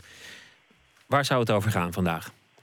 Nou, vandaag gebeurde er niet zo heel veel. Er was een soort uh, ANWB-achtige stormopkomst. En uh, ik besloot dus om uh, voor een iets tijdlozer onderwerp te kiezen. En dat was eigenlijk toch wel weer actueel, omdat over dat onderwerp deze week een boek is verschenen. En het gaat over Clemens K. Dat is de uh, voormalige boekhouder van het Fonds uh, voor de Beeldende Kunsten... die uh, er op spectaculaire wijze vandoor wist te gaan met 16 miljoen euro. Zo. Dus, zo. ja, dat zijn bedragen, toch? Ja, nee, het is, het is een leuke kwestie. Maar ik, had, ik las het boek en nou ja, ik maakte er het volgende stukje van. Zal ik dat voorlezen? Graag. Daar kom ik. Niet alleen soms, maar vrij regelmatig, zo is mijn theorie, schiet de menselijke verbeelding tekort. En heeft de ondergrondelijke werkelijkheid veel meer schoonheid voor ons in petto. Zoals in de zaak Clemens K., die momenteel na een lang verblijf in Thailand in Heerhugowaard in de gevangenis zit en zich binnenkort voor de rechter moet verantwoorden. Clemens K., geboren in 1969, was een mooie jongen. Volgens de meisjes in zijn klas leek hij op Morton Harket, de zanger van AHA. Clemens groeide op in Amsterdam-Noord en doorliep er met succes de MAVO. Hij werd boekhouder en ging aan de slag op de financiële afdeling van Artsen zonder Grenzen. Daar werd over Clemens gezegd dat hij zelfs een ijskast kan verkopen aan een Eskimo. Clemens verwekte twee kinderen, vond zijn huwelijk saai en werd bij het afhalen van een Oosterse maaltijd verliefd op een serveerster. Bij haar verwekte hij een derde kind. Intussen was hij in dienst bij een gerenommeerd fonds voor de beeldende kunsten, BKVB, en wist daar in amper twee jaar tijd bijna 16 miljoen euro weg te sluizen. De grootste roof van Nederlands subsidiegeld ooit. Het geld was in eerste instantie bedoeld om Henry, een goede vriend die hij ontmoette op een sportschool in Amsterdam-Noord, uit de schulden te helpen. Maar deze Henry vertrok met een Noorderzon, waarop Clemens dubieuze types inschakelde die hem beloofd hebben door hem uit het kunstenfonds geleende geldbedrag terug te vinden. Het duurde uiteraard niet lang of Russische sportschooltypes wachten Clemens op. Er diende meer te worden betaald, anders was Clemens zijn aanvankelijke investering kwijt. Duizelingwekkende bedragen maakte Clemens vervolgens over naar allerlei exotische bestemmingen... die ter plaatse door Russische misdadigers werden geïncasseerd. Uiteindelijk vluchtte Clemens met zijn zoons, gebruikmakend van valse paspoorten, naar Thailand. Terwijl in België, na allerlei klungelige incasseringspogingen bij verschillende Europese banken... een van de tussenpersonen in stukken gesneden terug werd gevonden. Clemens bevond zich berooid, maar niettemin veilig in Thailand... toen media in Nederland lucht kregen van de zaak... waarbij met name BKVB-directeur Lex Braak... tegenwoordig de baas van de Maastrichtse Jan van Eyck Academie... nogal een modderfiguur sloeg. Bij verstek werd Clemens in 2010 tot vijf jaar cel veroordeeld. Hij smeekte om een vrijgeleide, zodat hij zijn versie van het verhaal aan de rechters kon vertellen. Dat werd hem niet gegund. Eind juni 2013 hielden de Thaise autoriteiten hem aan bij een identiteitscontrole en zetten hem op het vliegtuig naar Nederland. Ik wilde mijn kinderen redden, zei Clemens tegen de rechercheurs die hem in Nederland verhoorden. Ik kan wat ik gedaan heb niet terugdraaien. Wat gebeurd is, is gebeurd. Over dit alles met de creatieve boekhouder Clemens K. in de hoofdrol... schreven mijn oud-vrij Nederland collega's Rudy Kagi en Marian Huske... een onwaarschijnlijk spannend boek, De Miljoenenroof... dat ik u allen van harte kan aanbevelen. Na lezing kreeg ik het gevoel dat Clemens door de onstuimige gebeurtenissen die hij zelf in gang heeft gezet... in wezen een kunstenaar is. Al beseft hij zich dat in de gevangenis van Heer Hugo Waard waarschijnlijk niet. Dat was het. Joris van Kasteren, dank je wel voor uh, dit verhaal over een, uh, over een boek. Het klinkt inderdaad als een, uh, als een spannend verhaal. Ik kan me herinneren dat het in de, in de kranten stond. Dan, mm. maar dan wordt het toch al vrij snel dat iemand een grote boosdoener is. En, en dan ja, allerlei nuances raken in dat soort grote nieuwsverhalen altijd snel verloren. Ja, de nuances zijn groot in dit verhaal. Hoewel je ja, uiteindelijk toch weer denkt van... er moet ergens ooit een moment zijn dat je je toch beseft van... nou ja, als ik nu dit doe, dan ga ik over de schreef. Maar misschien is dat niet zo. En misschien kan het uh, jou en mij ook overkomen. Nou ja, kijk, iedereen, uh, iedereen, iedereen verkloot het wel eens een keer in zijn leven. Alleen het, het klinkt alsof Clemens dat vrij bombastisch heeft gedaan. Dat, dat, hij, dat dit een korte cursus het verkloten voor zeer ver gevorderde is. Nou ja, en hij, hij zat natuurlijk op een soort schatkist. En uh, ja, misschien kunnen jij en ik zeg maar, andere gestes verlenen. Maar als jij zeg maar, geld kan gaan uitdelen, dan kom je natuurlijk wel heel snel uh, in een soort stroomversnelling terecht. Misschien heeft dat er ook mee te maken, dat weet ik eigenlijk niet. Resumerend, gezocht door de Russische maffia die hem wil vermoorden. Uh, ruzie met zijn oude baas. Uh, een miljoenenzoek gemaakt. Gevlucht naar een oord. Hij kan nooit meer terug. Bij verstek veroordeeld tot vijf jaar. En een buitengewoon slecht profiel op Google en in de media. Dan heb je het gewoon ook wel een beetje verkloot. En toch denk ik dat hij blij is dat hij nu hier is. En ja, dat hij uiteindelijk toch zijn verhaal kan doen. Ik denk dat we hier want die zaak die wordt zeg maar, hervat uh, begin uh, 2015 nog wel uh, het een en ander over zullen horen. Joris van Kasteren, dankjewel. Ik wens je een hele goede nacht. Hetzelfde en tot morgen. Grey is een trio uit Portland, Oregon. Voor hun titeloze debuut hebben ze producer Phil Eck in de arm genomen. Eerder maakte hij albums voor The Shins en Fleet Foxes. We gaan luisteren dus naar Grey met Walk the Night.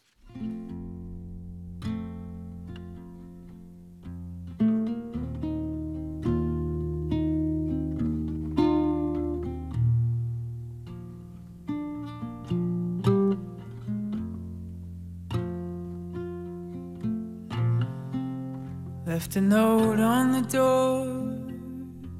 Said I'll be back soon. Went down to the water. Wash everything new. Empty my mind just to see what's left.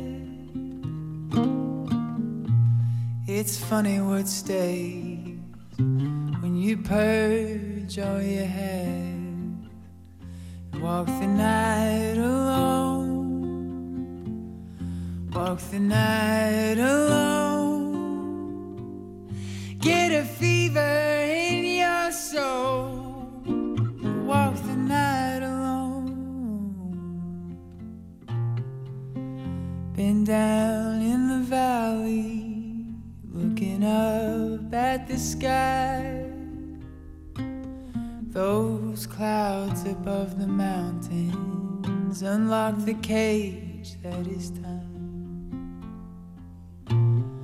Take me high above myself, above everything I can see. And I'll fade into the silence, into that terrifying peace. I'm one with you again, humble dust upon the ground. No more king upon a kingdom. We're just sunlight through the trees coming down.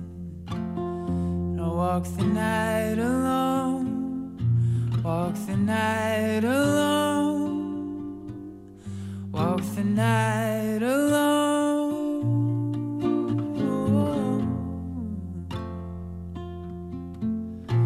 Walk the night alone. Walk the night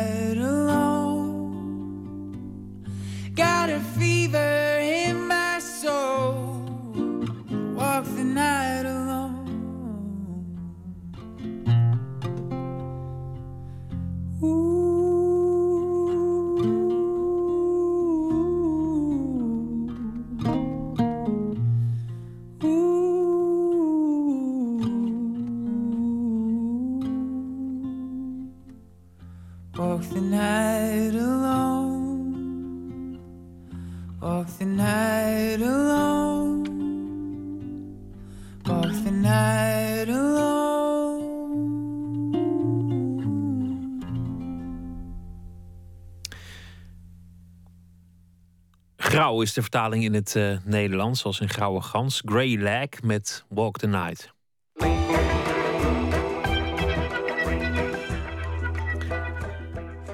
Tien jaar geleden overleed zanger, componist en cabaretier Bram Vermeulen. Zijn dood wordt herdacht met theaterhommages in Nederland en België.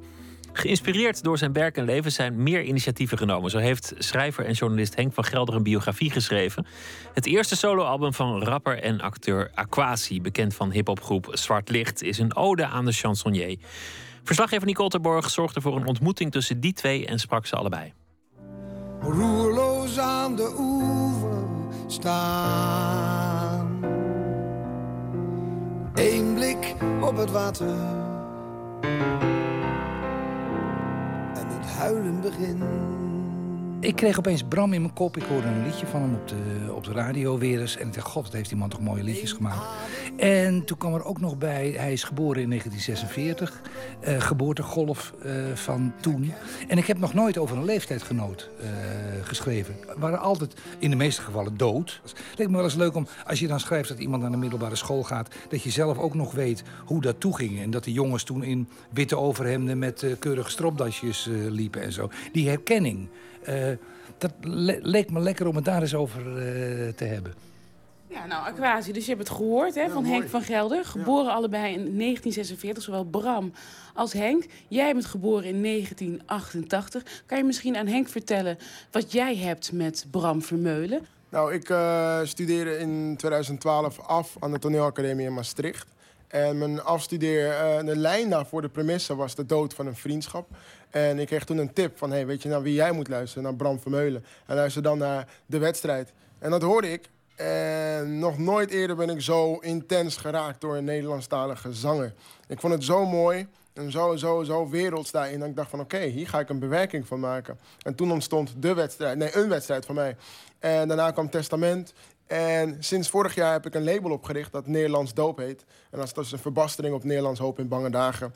Het album is echt uh, twee, het is een document geworden van 22 liedjes. Waarbij ik niet doe aan covers, maar elk nummer is een bewerking. Dus er bestaat dan de wedstrijd van Bram Vermeulen. Ik maak er een wedstrijd van. Bram Vermeulen heeft een nummer dat Blanco heet. Mijn nummer heet ook Blanco, maar dat is dan geïnspireerd op een aantal teksten waar ik dan een andere versie van maak. Maar zo heb ik ook het nummer Nooit meer, wat ironisch is, want we zijn hier nu in Nooit meer slapen. En dat is echt een. Nooit meer is best wel een pittig nummer. Een heel erg fel nummer van Bram zelf. Uh, en dat is een beetje de twee, twee middelvingers in de lucht en doe ik zie je nooit meer. Dat soort, zo'n soort van gevoel die je creëert daarbij. En dat, wilde, dat heeft Bram Vermeulen op zijn unieke manier gedaan. En dat heb ik dan ook op mijn eigen manier gedaan. Dus zo, zodoende. Spring met een steen naar je been van de brug, ja doe dat. Maakt mij niet uit, mij niet uit. Mij niet uit. Dus hij is voor mij op dit moment nummer één inspirator. Hij is een beetje mijn, um, zoals Karate Kid vroeger was. Ik, ik, heb het gevoel dat ik nu de nieuwe Karate Kid ben. En Bram Vermeulen is mijn Mr. Miyagi. Hij is mijn mentor nu. Ja. Mooi. Ja. Mooi. Niks, geen glimlach, nada. Zit zo, zit zo diep. Ah. Voor mij is ons verleden bij deze uitgewist. Als ik nu eerder sterf dan jij, blijkt dat een groot gemis. Ben ik in de ander leven voor je van betekenis, zal ik dwars voor je liggen. Zelfs in mijn kist, ah. En daar ergens was ons plaatje. Maar je hoort me niet om vergiffenis vragen. We hebben pieken gehad, ik laat het hierbij. Denk alleen aan jou rond 8 uur op 4 mei. Bram Vermeulen uh, is, dat vergeten mensen heel, heel gauw... is de pionier geweest van het popnummer in het Nederlands. Popsong in het uh, Nederlands. Dat is voor die tijd uh, nauwelijks of niet beoefend, dat, dat genre. Ongeveer gelijkertijd met Bram kwam Doe Maar op. Nou, to toen barstte het echt los. Bram is in feite de pionier geweest die door Doe Maar is gepasseerd. zo zou je het kunnen zien. Dat je in het Nederlands popnummers kan zingen. Dat, dat was nieuw. Het is een wedstrijd is een wedstrijd, het is een wedstrijd die je niet winnen Hier voor me ligt ook uh, de biografie die je geschreven hebt. Je schetst een verhaal van Bram Vermeulen, succesjaren in de jaren 70, beroemd als volleyballer in de jaren 60 en op een gegeven moment Nederlands hoop stopt. Hè? Freek de Jong gaat ze weg, enorm succes. En hij wordt als solo-artiest ook verguisd. Er wordt gezegd Nederlands wanhoop. Ja, en in de Volkskrant uh, is Bram wel eens beschreven als een loser. Dat stond echt zwart op wit uh, in de krant. En uh, dus dat heeft een hele trieste component... dat hij, um, dat hij vanaf de jaren tachtig ja, alleen is. Af en toe een beentje om zich heen heeft. Maar niet die grote successen nooit meer terugvindt. En eigenlijk, in, zeker in Nederland, ontzettend weinig luisteraars krijgt. Zijn twee dochters hebben mijn boek gelezen... en hebben alle twee als kritiek dat ze het naar het eind toe een beetje te triest vinden. Omdat het, het toch, is heel triest, ja. Nou ja, omdat hij toch natuurlijk tegenover die kinderen... tegenover die dochters, was hij de vrolijke vader. Hij ging natuurlijk niet aan die kinderen laten zien... hoe gekrenkt hij was als er vervelende dingen over hem in de krant stonden. Dat was trouwens al begonnen in de Nederlands Hoop-periode... toen een keer in Vrij Nederland heeft gestaan... dat als Bram Vermeulen begint te zingen... dan pakt iedereen de snoepjes uit, uit zijn jas... en gaat de knisperende papiertjes opentrekken... en steekt een snoepje in zijn mond en wacht tot Freek weer komt... tot het leuk wordt. Uh, allemaal dat soort beledigende dingen zijn er over hem gezegd. Maar ik schrik hier wel een beetje van eigenlijk. Want tot nu toe is het alleen maar positief geweest voor mij. En nu hoor ik dan ook wel een kant dat zijn leven... Er is natuurlijk altijd leven na de dood. Zeker voor Bram Vermeulen, die heel erg in de reïncarnatie geloofde. Maar ik vind dan nu wel ik ben wel heel erg benieuwd hoe, dan, hoe hij dan echt geleefd zou hebben. Ik ben ook heel erg benieuwd naar wat hij van dit allemaal zou vinden, nu tien jaar na zijn dood. Daar loopt een doodgewone Als ik denk aan Bram Vermeulen, denk ik ook aan, aan een man, aan een jongen die constant op zoek is naar erkenning. Ja. Dat spreekt ook uit dit boek. Is hij, heeft hij ooit nog zoiets gehad van: hé, hey, ik word erkend? De allerlaatste jaren begon het ook in Nederland een klein beetje te komen. Maar hij is veel te vroeg uh, doodgegaan om dat uh, te hebben kunnen uitbouwen. Tegelijk was de roem in Vlaanderen heel groot. Dus daar is hij uiteindelijk ook wel erg tevreden mee geweest. Hoor. Die jij niet binnen kan. Ik zie de kringen in het water. Van een enkel gaatje in een cirkel is er geen sprake. Ik haat winnen en ik hou van verliezen, maar de andersom, zo verword ik dit positieve. Tijd voor een herkansing of een rematch. Je krijgt het terug, dit is feedback. Ik wil het recht zetten, maar het gaat niet echt. Nu zit ik plots in een wedstrijd, hè? Herken jij jezelf, Bram Vermeulen? Ik denk dat ik mezelf, ik denk dat uh, het is on, ontkomelijk dat ik me herken. Dat, ik, dat er raakvlakken zijn tussen mezelf en Bram Vermeulen. Want bij de wedstrijd hoorde ik echt, van, hoorde ik echt een stem waarbij ik dacht van wauw, wie is deze man? Er ging een hele nieuwe wereld voor me open, omdat hij niet alleen met kleine woorden grote verhalen wist te vertellen, maar ook omdat hij heel erg hees was in zijn stemgebruik en heel erg rauw. En ik, ik merk dat ik dat ook heb als ik aan het rappen of als ik aan het zingen ben, dat ik dat ook heb. Dus ik dacht van nee, wij lijken daarin op elkaar. En ik heb dat nog nooit gehad bij een Nederlandstalige zanger. Hij heeft me zelfs een keer laten huilen door zijn muziek. Ik ken jou van Zwart Licht, ja. waar het heel hard aan toe gaat. Hip-hop met dubstep, gewoon knallen. Ook jullie optreden zijn heftig. En jullie ja, heel geëngageerd. Hè, uh, racisme, Amsterdam, uh, toffe gasten, zeg maar. En deze CD met 22 tracks maar liefst. Ik hoor uh, folk erop, ik hoor hip-hop, ik hoor gospel. Kom ik bij jou terug? Nee, nooit. Ik wens jou alle beste. Heeft Bram Vermeulen ook muzikaal iets met jou gedaan? Zeker, maar ik denk nogmaals, niet alleen met mij. Er staat een hele band, dan, nu, natuurlijk achter mij, van acht personen, inclusief mezelf. En uh, er zijn mensen die hebben meegeschreven of meegespeeld daarin. Het album is geproduceerd door Drummer Kid en Esco. Dat zijn jongens die in de kerk zijn opgegroeid. Ik ben ook deels in de kerk opgegroeid. Vanuit je gospel hoort. Rob DK, die op de held van de plaat staat, daar hoor je, die komt uit een uh, bluegrass en country hoek. Terwijl Gerson Main eigenlijk ook heel erg aan het flirten is met country, maar ook met singer-songwriter. En misschien wel de nieuwe kleinkunst daarin.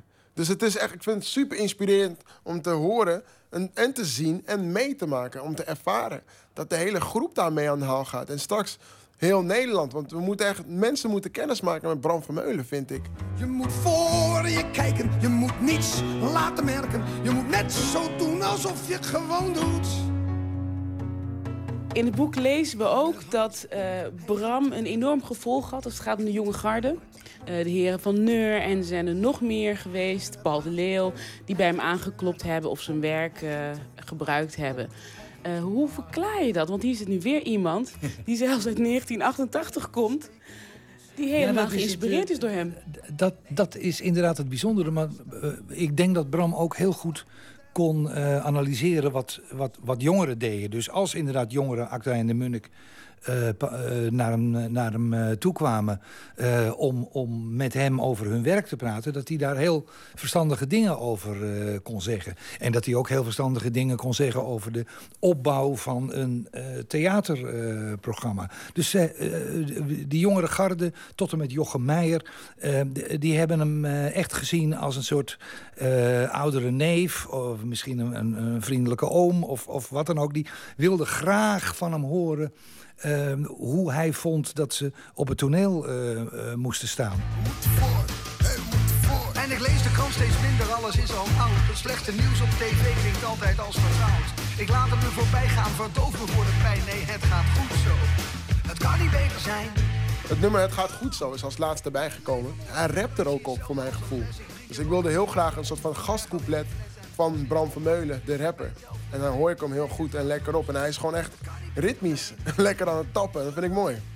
Ik bel mijn vrienden zelden, dat doen ze ook niet aan mij. Niets om iemand geven, maak vanzelf vrij. Als ik van niemand hou, doen ze dat ook niet van mij. Nee, het gaat goed zo. Jullie hebben net... Uh boek en cd uitgewisseld. Ja. Ik ben hartstikke benieuwd. Ik heb van de zomer een klein stukje uh, gezien in een uh, televisieuitzending vanaf uh, Oerol. En daarvan dacht ik al, volgens mij is dit geen rotzooi. hier zou ik best meer van willen horen. Nou, dankjewel. Het voelt heel goed en ik heb net al gebladerd. Ik word er helemaal enthousiast van. En ja, respect. Respect. Echt, Henk, bedankt. Zo mooi. Zo mooi was het nog nooit.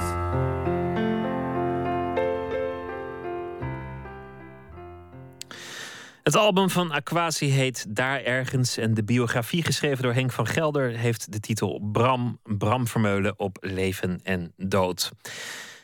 Laten we eens eh, luisteren naar uh, Joni Mitchell. Dat is eh, altijd verheffend. Both sides now.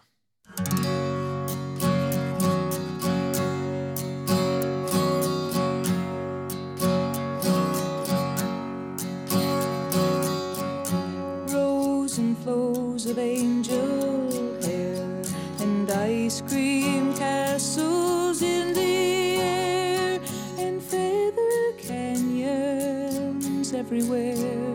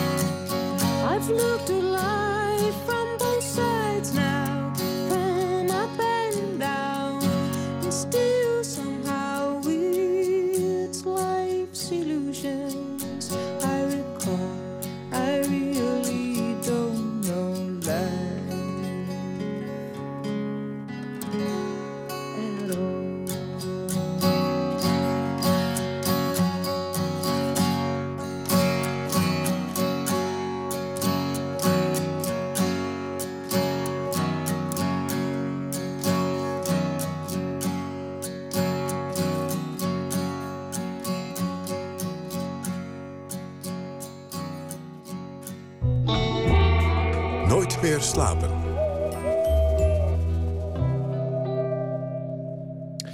Je bent niet altijd in dezelfde stemming en niet iedereen is in dezelfde state of mind als je naar een museum gaat. De ene keer zoek je rust, de andere keer misschien meer spanning.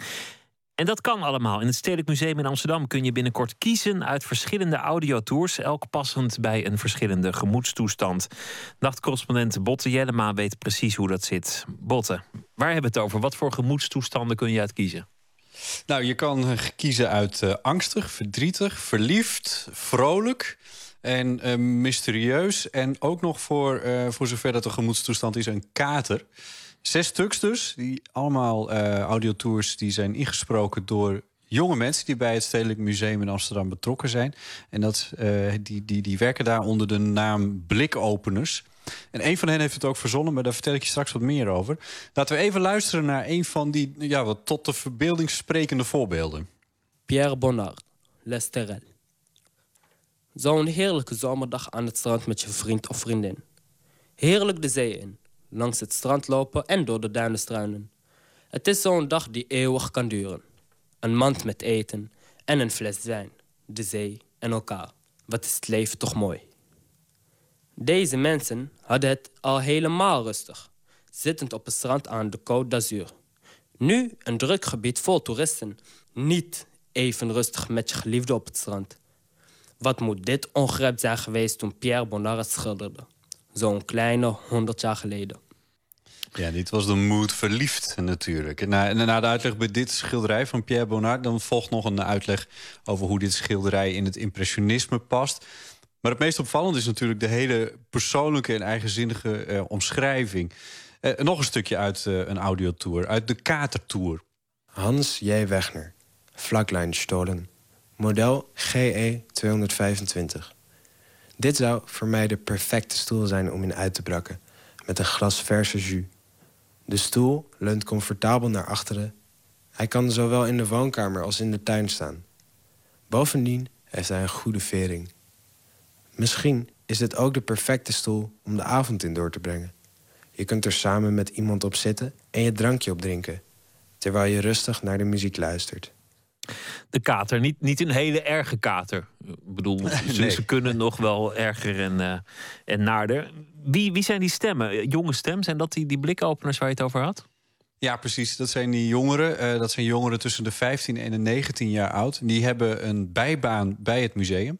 Eh, en zij, wat ze doen is het organiseren van evenementen, eh, presentaties houden, eh, feestjes en tentoonstellingen. En een van hen was Olmo Garcia Cool. En hij heeft deze audiotours bedacht. Toen hij blikopener was, want dat was, ik geloof, vorig jaar, ging hij naar de. Nee, dat is al langer geleden. Toen ging hij naar ROC-opleiding Kunst, Media en Cultuur. En dat is langer geleden omdat hij inmiddels al op de Rijnwaard Academie zit. Dat is een onderdeel voor de, van de Hogeschool voor de Kunsten in Amsterdam. Nou, en daar word je onder meer opgeleid om tentoonstellingen te maken. Dus ja, dat sloot heel mooi aan bij zijn eh blikopeners. eh, periode in het Stedelijk Museum.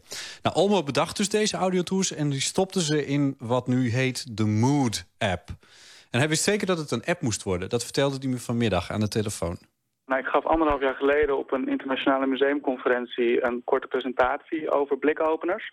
En over manieren voor musea om eh, hun museum aantrekkelijker te maken voor jongeren. En toen ging ik zelf ook eigenlijk nadenken van wat is aantrekkelijk en wat is nou hip. En toen kwam ik uit op apps. En ik dacht, nou, het stedelijk mist nog iets. Eh, en de blikopeners die zijn er om kunst toegankelijk te maken voor hun leeftijdsgenoten. En daar horen apps volledig bij. Een app al met al, eh, voorop de, de, de smartphone. Hoe, hoe werkt het dan eh, precies? Want wat zit er allemaal op die app? Wat kun je allemaal doen met de app?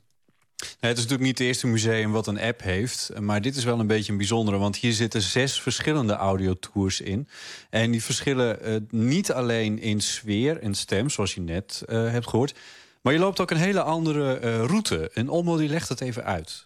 Als je met je vriend of vriendin de verliefde tour wil lopen, romantisch samen, dan kan dat ook. De Mood-app past zich eigenlijk aan op verschillende stemmingen. En daarnaast, eh, mocht er een stemming zijn die je mist... of mocht je zelf ook mee willen doen... dan kun je ook zelf als gebruiker een rondleiding toevoegen. Eh, en dat kun je ook inspreken en ook weer aan je vrienden eh, laten horen. Dus iedereen die de app downloadt kan een eigen route lopen en eventueel ook iets toevoegen om, om er nou ja, nog iets bij te bedenken als het moet. Ja, nou ja, stel dat jij morgen besluit... ik ga eventjes naar het Stedelijk Museum. Dan eh, zou je, theoretisch gesproken, die app moet nog uitkomen... maar zou je op die app eh, zelf een route kunnen uitstippelen... en daar eh, je eigen commentaar bij inspreken... En dan kan ik, als ik volgende week ga, kan ik beluisteren hoe jij dat daar, wat je daar hebt eh, ingesproken. En dat vind ik toch wel een heel erg aardig idee. Ehm, natuurlijk kun je alle kunsthistorische achtergronden bij de stukken die in het stedelijk zijn eh, ook nog gewoon vinden. Maar je kan dus ook je eigen verhaal eraan hangen. Of dat van die eh, blikopeners eh, beluisteren. Nou ja, en die geven dus hun eigen mening. Die geven een beetje een frisse kijk op de zaak. En daarom begint die kaartentour bijvoorbeeld bij die stoelen. En die stoelen waar je niet in mag zitten natuurlijk, want die, zijn, die staan in dat museum. Maar dat is wel waar je zin in hebt als je een beetje hoofdpijn hebt. Nou ja, en dan is het dus logisch dat je op de designafdeling van het stedelijk belandt. Want die hebben geen bedden. Want anders, anders zou je met een kater denk ik eerder daar eh, er is een, thuis eh, horen. Er is, ja, er is een, een, eh, een, een slaapkamer van. ehm Oeh, eh, was dat dan Rietveld? Ik, dit doe ik uit mijn hoofd. Dit weet ik zo even niet. Maar dit- dit- daar kom je ook nog langs. Dus dat, er zijn wel die zou, die zou ook kunnen. Wat, wat veel musea doen, is dat ze eh, prominenten of bekende Nederlanders een audiotour laten inspreken. Dat is eigenlijk Ja. hoe ver het tot nu toe gaat met eh, creatieve apps en audiotours. Ja, ik weet niet of jij het wel eens hebt gedaan, maar ik heb het toch, toch verschillende eh, bekende Nederlanders daar eh, dat, dat horen doen bij verschillende musea. Ik weet dat bijvoorbeeld Boymans van Beuningen het ook heeft. Soms ook hele eigenzinnige tours. Maar dit gaat een beetje tegen die trend in. Want ja, die jongens, die blikopeners, meiden ook trouwens, die, die kennen we niet per se. Maar Olmo die vertelde mij dat dit ook echt uniek in de wereld. Er is nog geen ander museum met een app waar jongeren zelf de content voor hebben geschreven en zelf voor hebben eh, ingesproken. Dus nou ja, ook dat, ze dat, dat je dan zelf zo'n tour kunt inspreken, dat is ook uniek in de wereld. Dus dat is wel een beetje bijzonder. En laten we tenslotte nog even luisteren naar een van die mooie teksten. Een van de teksten die bij het schilderij eh, Red, Yellow and Blue nummer 3 van Barnard Newman eh, is ingesproken. Dat is zo'n beetje het beroemdste schilderij in het Stedelijk Museum in Amsterdam. En dat is opgenomen in de Mood-app in de angstroute. Wie is er bang voor rood, geel en blauw? Het felle, rode kleurvlak is zo groot dat je er inderdaad bijna bang en angstig van wordt. De dunne blauwe streep aan de linkerkant en de nog dunnere gele streep aan de rechterkant vallen op, maar het is vooral het agressieve rood dat je opslokt. Barnett Newman hoorde bij het abstract expressionisme. Deze kunststroming ontstond kort na de Tweede Wereldoorlog. Barnett Newman en andere kunstenaars van het abstract expressionisme, zoals Willem de Kooning, Jackson Pollock en Mark Rothko, vonden dat kunst doordrenkt moest zijn met de dramatiek zoals die in het echte leven aanwezig is. De dramatiek kan ik in het werk wel terugzien, maar of ik er letterlijk bang van word, weet ik niet. De Mood-app van het Stedelijk Museum. En die is eh, gratis te downloaden vanaf zaterdag 1 november. De lancering tijdens de Museumnacht. Botte Jellema, dankjewel. En een uh, Graag gedaan. goede nacht. Chess Records was het uh, blueslabel uit Chicago. Met uh, grote bekende artiesten als Howling Wolf. Muddy Waters geloof ik ook. En um, een van de artiesten die daar ook bij zat... was de Amerikaanse bluesgitarist Buddy Guy... die ook nog steeds actief is trouwens. Buddy Guy en Junior Wells gaan we beluisteren met Good Morning School Girl.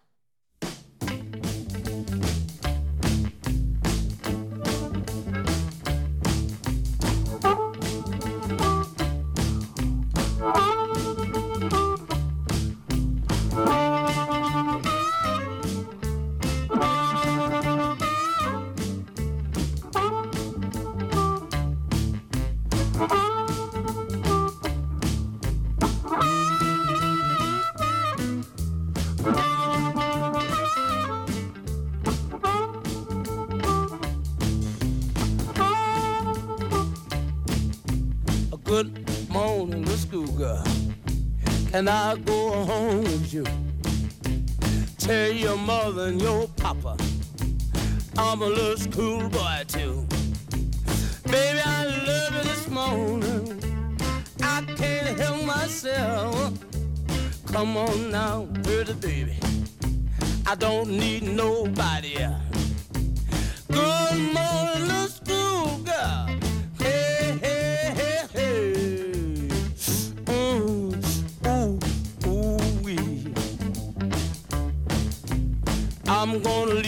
baby, about the break of day. On the count of way you treat me, I got to stay away. Good morning, little school girl. Can I go home with you? Tell your mother and your father that I'm a schoolboy too. Come on now, pretty baby, baby, come on home.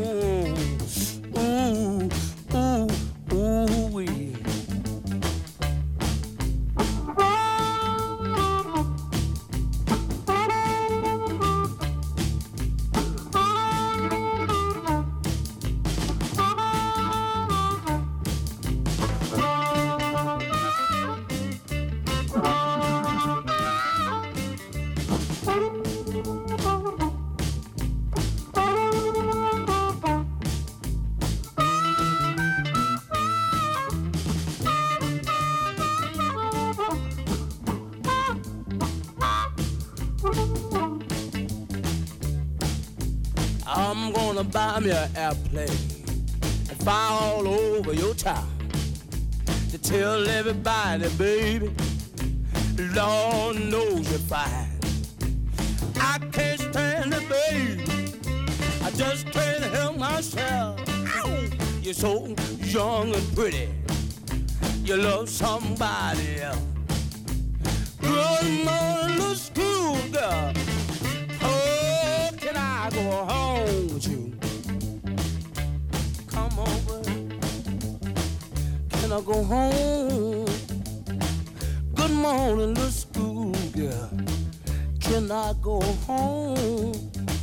Good morning, little school girl. Can I go home? Good morning, little school girl. Can I go home? Good morning, little school girl. Can I go home?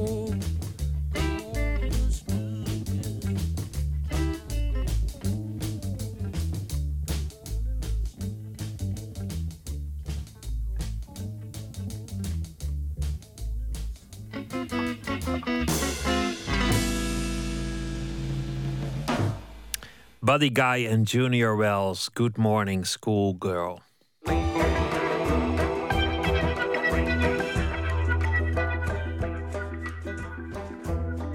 In het eerste uur hadden we het erover hoe het is om eh, de dochter te zijn van Harry Mulisch. Maar hoe zou het zijn om eh, de dochter te zijn van Karl Marx? Zijn kinderen zijn allemaal ongelukkig geëindigd en eh, jong gestorven. En dat is bron van inspiratie geweest voor een theatervoorstelling. Theatergroepen Stan en De Koe brengen de Marx Sisters op de plank. Een voorstelling over idealen en waar die allemaal vandaan komen. En Nicolaou in gesprek met de makers.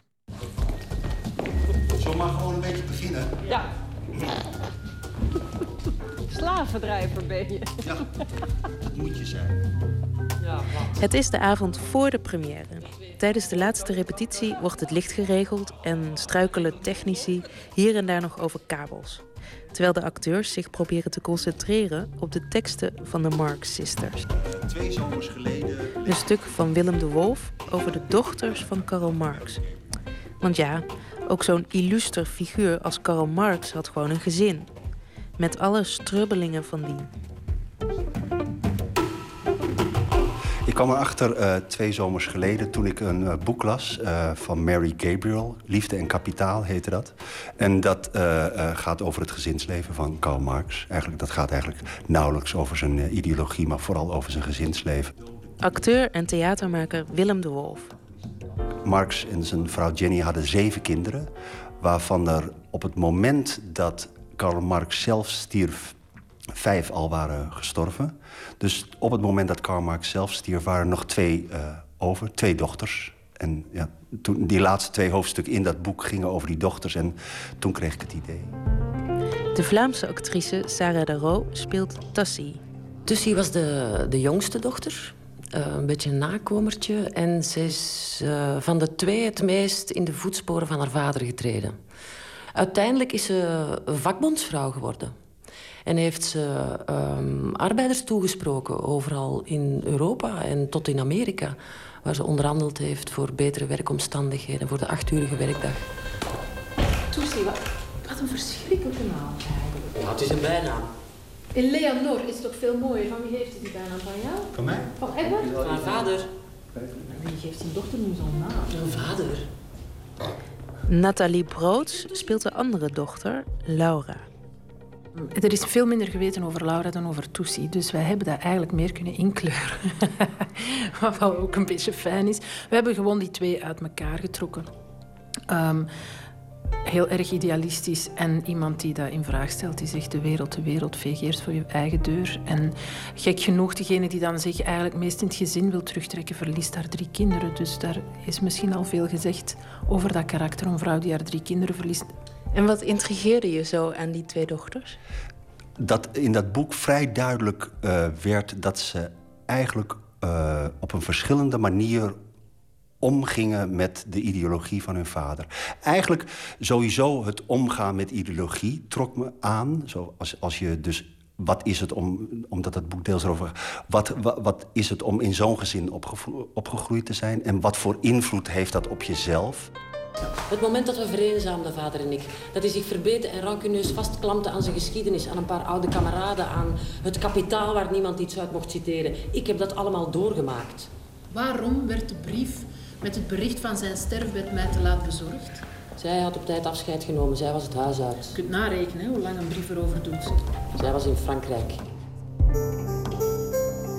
Behalve dat ik het over de zussen wilde hebben, wilde, hebben wilde, ik het, wilde ik natuurlijk ook gewoon hebben over iets wat in mezelf leeft. Moet je je idealistisch opstellen of juist niet? Het wonderlijke is dat ik ehm, door dit stuk voel dat ik ehm, meer Toetsies kant kies.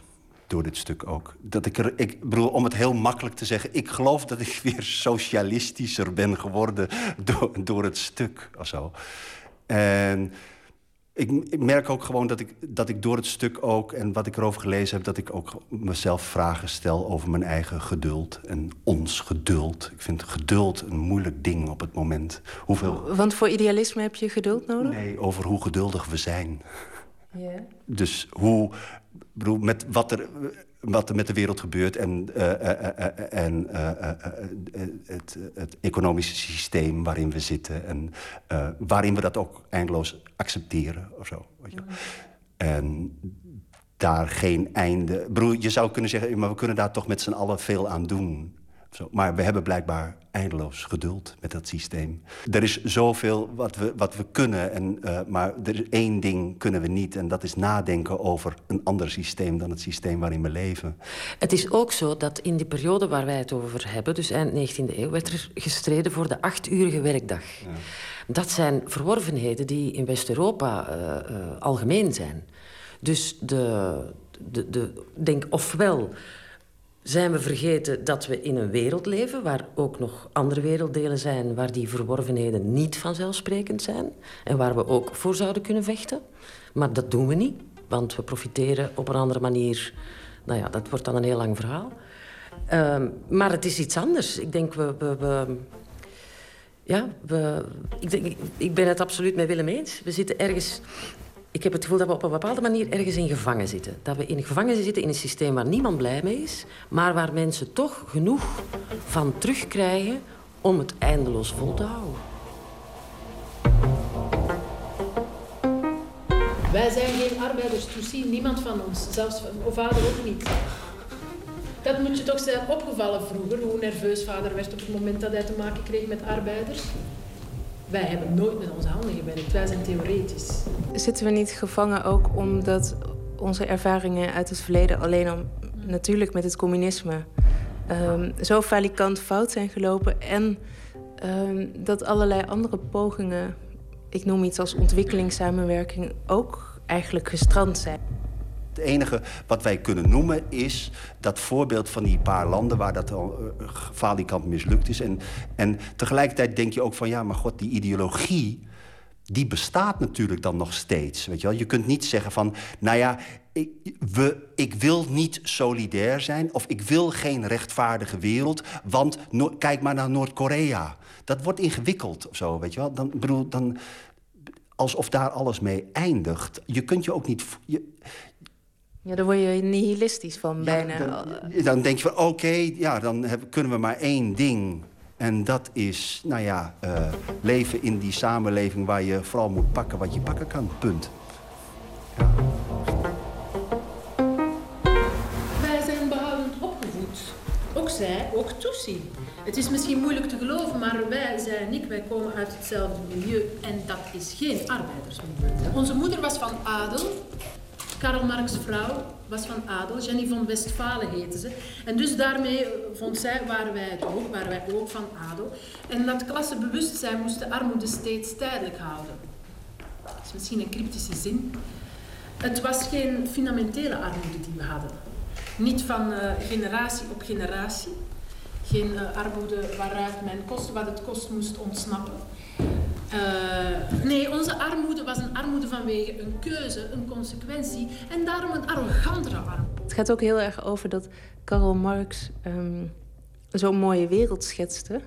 Maar even heel plat gezegd, er in zijn eigen leven een totale puinhoop van maakte. Ja, zelfs de grootste altruïstische hervormers moeten onbewogen blijven bij eh, individuele gevallen. Nee, dat is een, een, een zin uit het, uit het stuk. Ja, ja, ik vind dat heel moeilijk. Ik vind dat een heel moeilijke vraag. Iemand die zoveel teweeg heeft gebracht, die zo'n belangrijk denker was. En, eh, ehm, Je kan het hypocriet vinden. Veranderd, maar hypocriet. Dat je zelfs in je eigen leven niet eens die idealen Ik geloof ook dat elke voorzijde een keerzijde heeft of zo. Alles hangt met elkaar samen. Dus je kunt niet... Mensen zijn ook maar mensen. En iemand die dat bereikt heeft, die heeft dan daar eh, achter zich een puinhoop achtergelaten. Ik, dat weet ik niet. Ik vind dat moeilijk om te beoordelen. Veroordelen. Het is wel zo dat hij zelf gezegd heeft dat hij het allemaal nog een keer zou doen, maar niet zou trouwen. Ja. Ja, om wat hij zijn vrouw en zijn dochters heeft aangedaan. En hij had dus zijn werk nooit op willen geven. Zegt hij daarmee ook? Ja, zegt hij daarmee ook. Ja. Dan is het een Ja. doping of zo. Of Ik kan me wel voorstellen dat dat iets heel sterks is. Dat- Maar dat heb je eigenlijk, weet ik veel, Picasso, hoe zijn die zijn kinderen er? Allee, de, de, de, met Ja, ja, en grote... of, of niet over de en vrouwen. de vrouwen op, ja, Want dit zijn nu allemaal mannen van wie dat getolereerd wordt dat die hun kinderen in armoede storten. Maar als een vrouw dat eens gaat doen en een carrière uitbouwt en rukzichtloos eh, vooruit gaat en een beetje vergeet dat haar kinderen er ook nog zijn, daar hebben we het dan nog niet eens over. Er is nog een hele weg te gaan. Want daar gaat het ook nog over. Over feminisme. Het gaat over heel veel. Dank jullie wel. Emmy Colau sprak met Willem de Wolf, Nathalie Broods en Sarah de Roo. Het stuk The Marx Sisters is eh, vanavond in première gegaan... en is de komende maanden te zien in Amsterdam, Rotterdam en Eindhoven. Ethan Jones is een eh, bekende producer, maar hij eh, heeft ook eigen albums. Zijn tweede soloalbum The Reckoning, dat maakt indruk. Geproduceerd door vriend en collega Ryan Adams. En we gaan daarvan draaien het nummer Talking Talking Blues.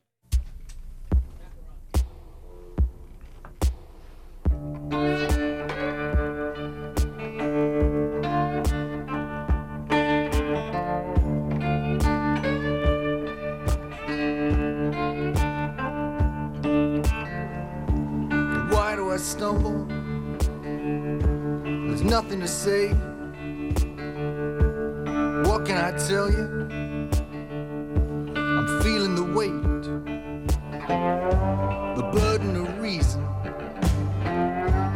hem and the heel. Sometimes what I believe in is not what I feel. Well, I tell you right now but I'm just not sure.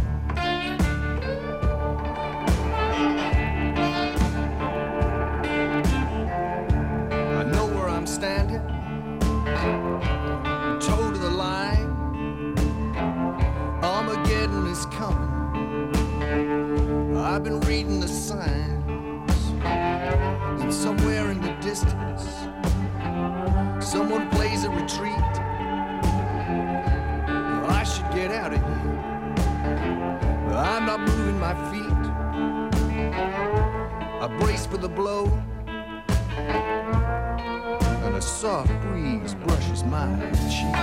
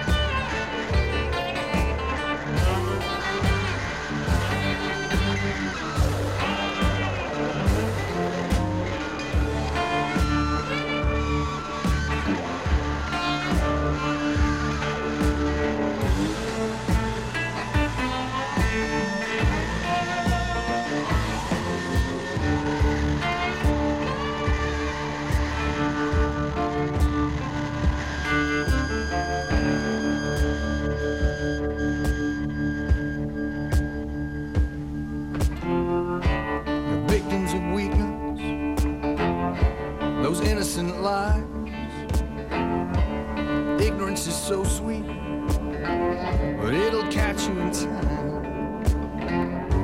You'll carry a secret like a stone in your heart. I don't care what he says, there's no second chance two kinds of regret.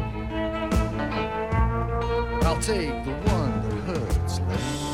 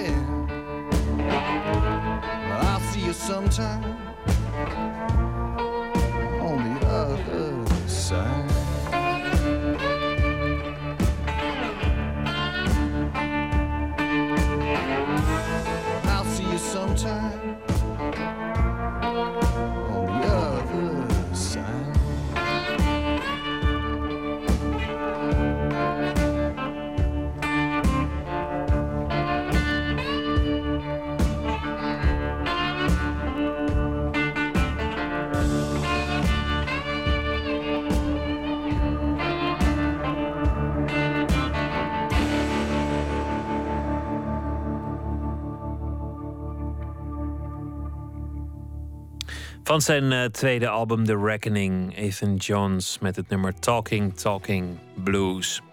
Bijna aan het einde gekomen van deze aflevering van Nooit meer slapen. Morgen dan zijn we er weer en dan zit hier eh, actrice Annette Malherbe. Bekend voor heel veel rollen, maar eh, bij het grote publiek brak ze toch wel een beetje door met eh, haar rol als Willemijn Lodewijks Verbrugge in Gooise Vrouwen. In het theater had ze al vele successen. Momenteel is ze te zien in een tragicomedie Annie M.G. op Soesdijk van het toneel speelt. En het gaat over eh, koningin Juliana en eh, Annie M.G. Schmid. Morgen ook aandacht voor de documentaire Morgen speel ik beter. Daarin gaat jazzliefhebber Olaf van Pasen op zoek naar een manier om zijn held Sonny Rollins voor de camera te krijgen en zelf aan het woord te laten over de betekenis van de jazz, de improvisatie, inspiratie, kunstenaarschap en over zijn instrument, de tenorsax. We praten met eh, Van Pasen over die documentaire. En schrijfster Carlijn Vis, die hoort u over haar boek Het Marktplaatsmeisje. Begint als een herkenbaar verhaal over de beperkingen van sociale media, maar verandert langzaam in een donker en duister sprookje over vertrouwen en intimiteit. Dat allemaal morgen straks op deze zender WNL met Nog Steeds Wakker. Twitter, het VPRO NMS of via de mail nooit meer slapen, het VPRO.nl. Mensen kunnen een hele goede nacht. Morgen een leuke dag en graag weer tot dan.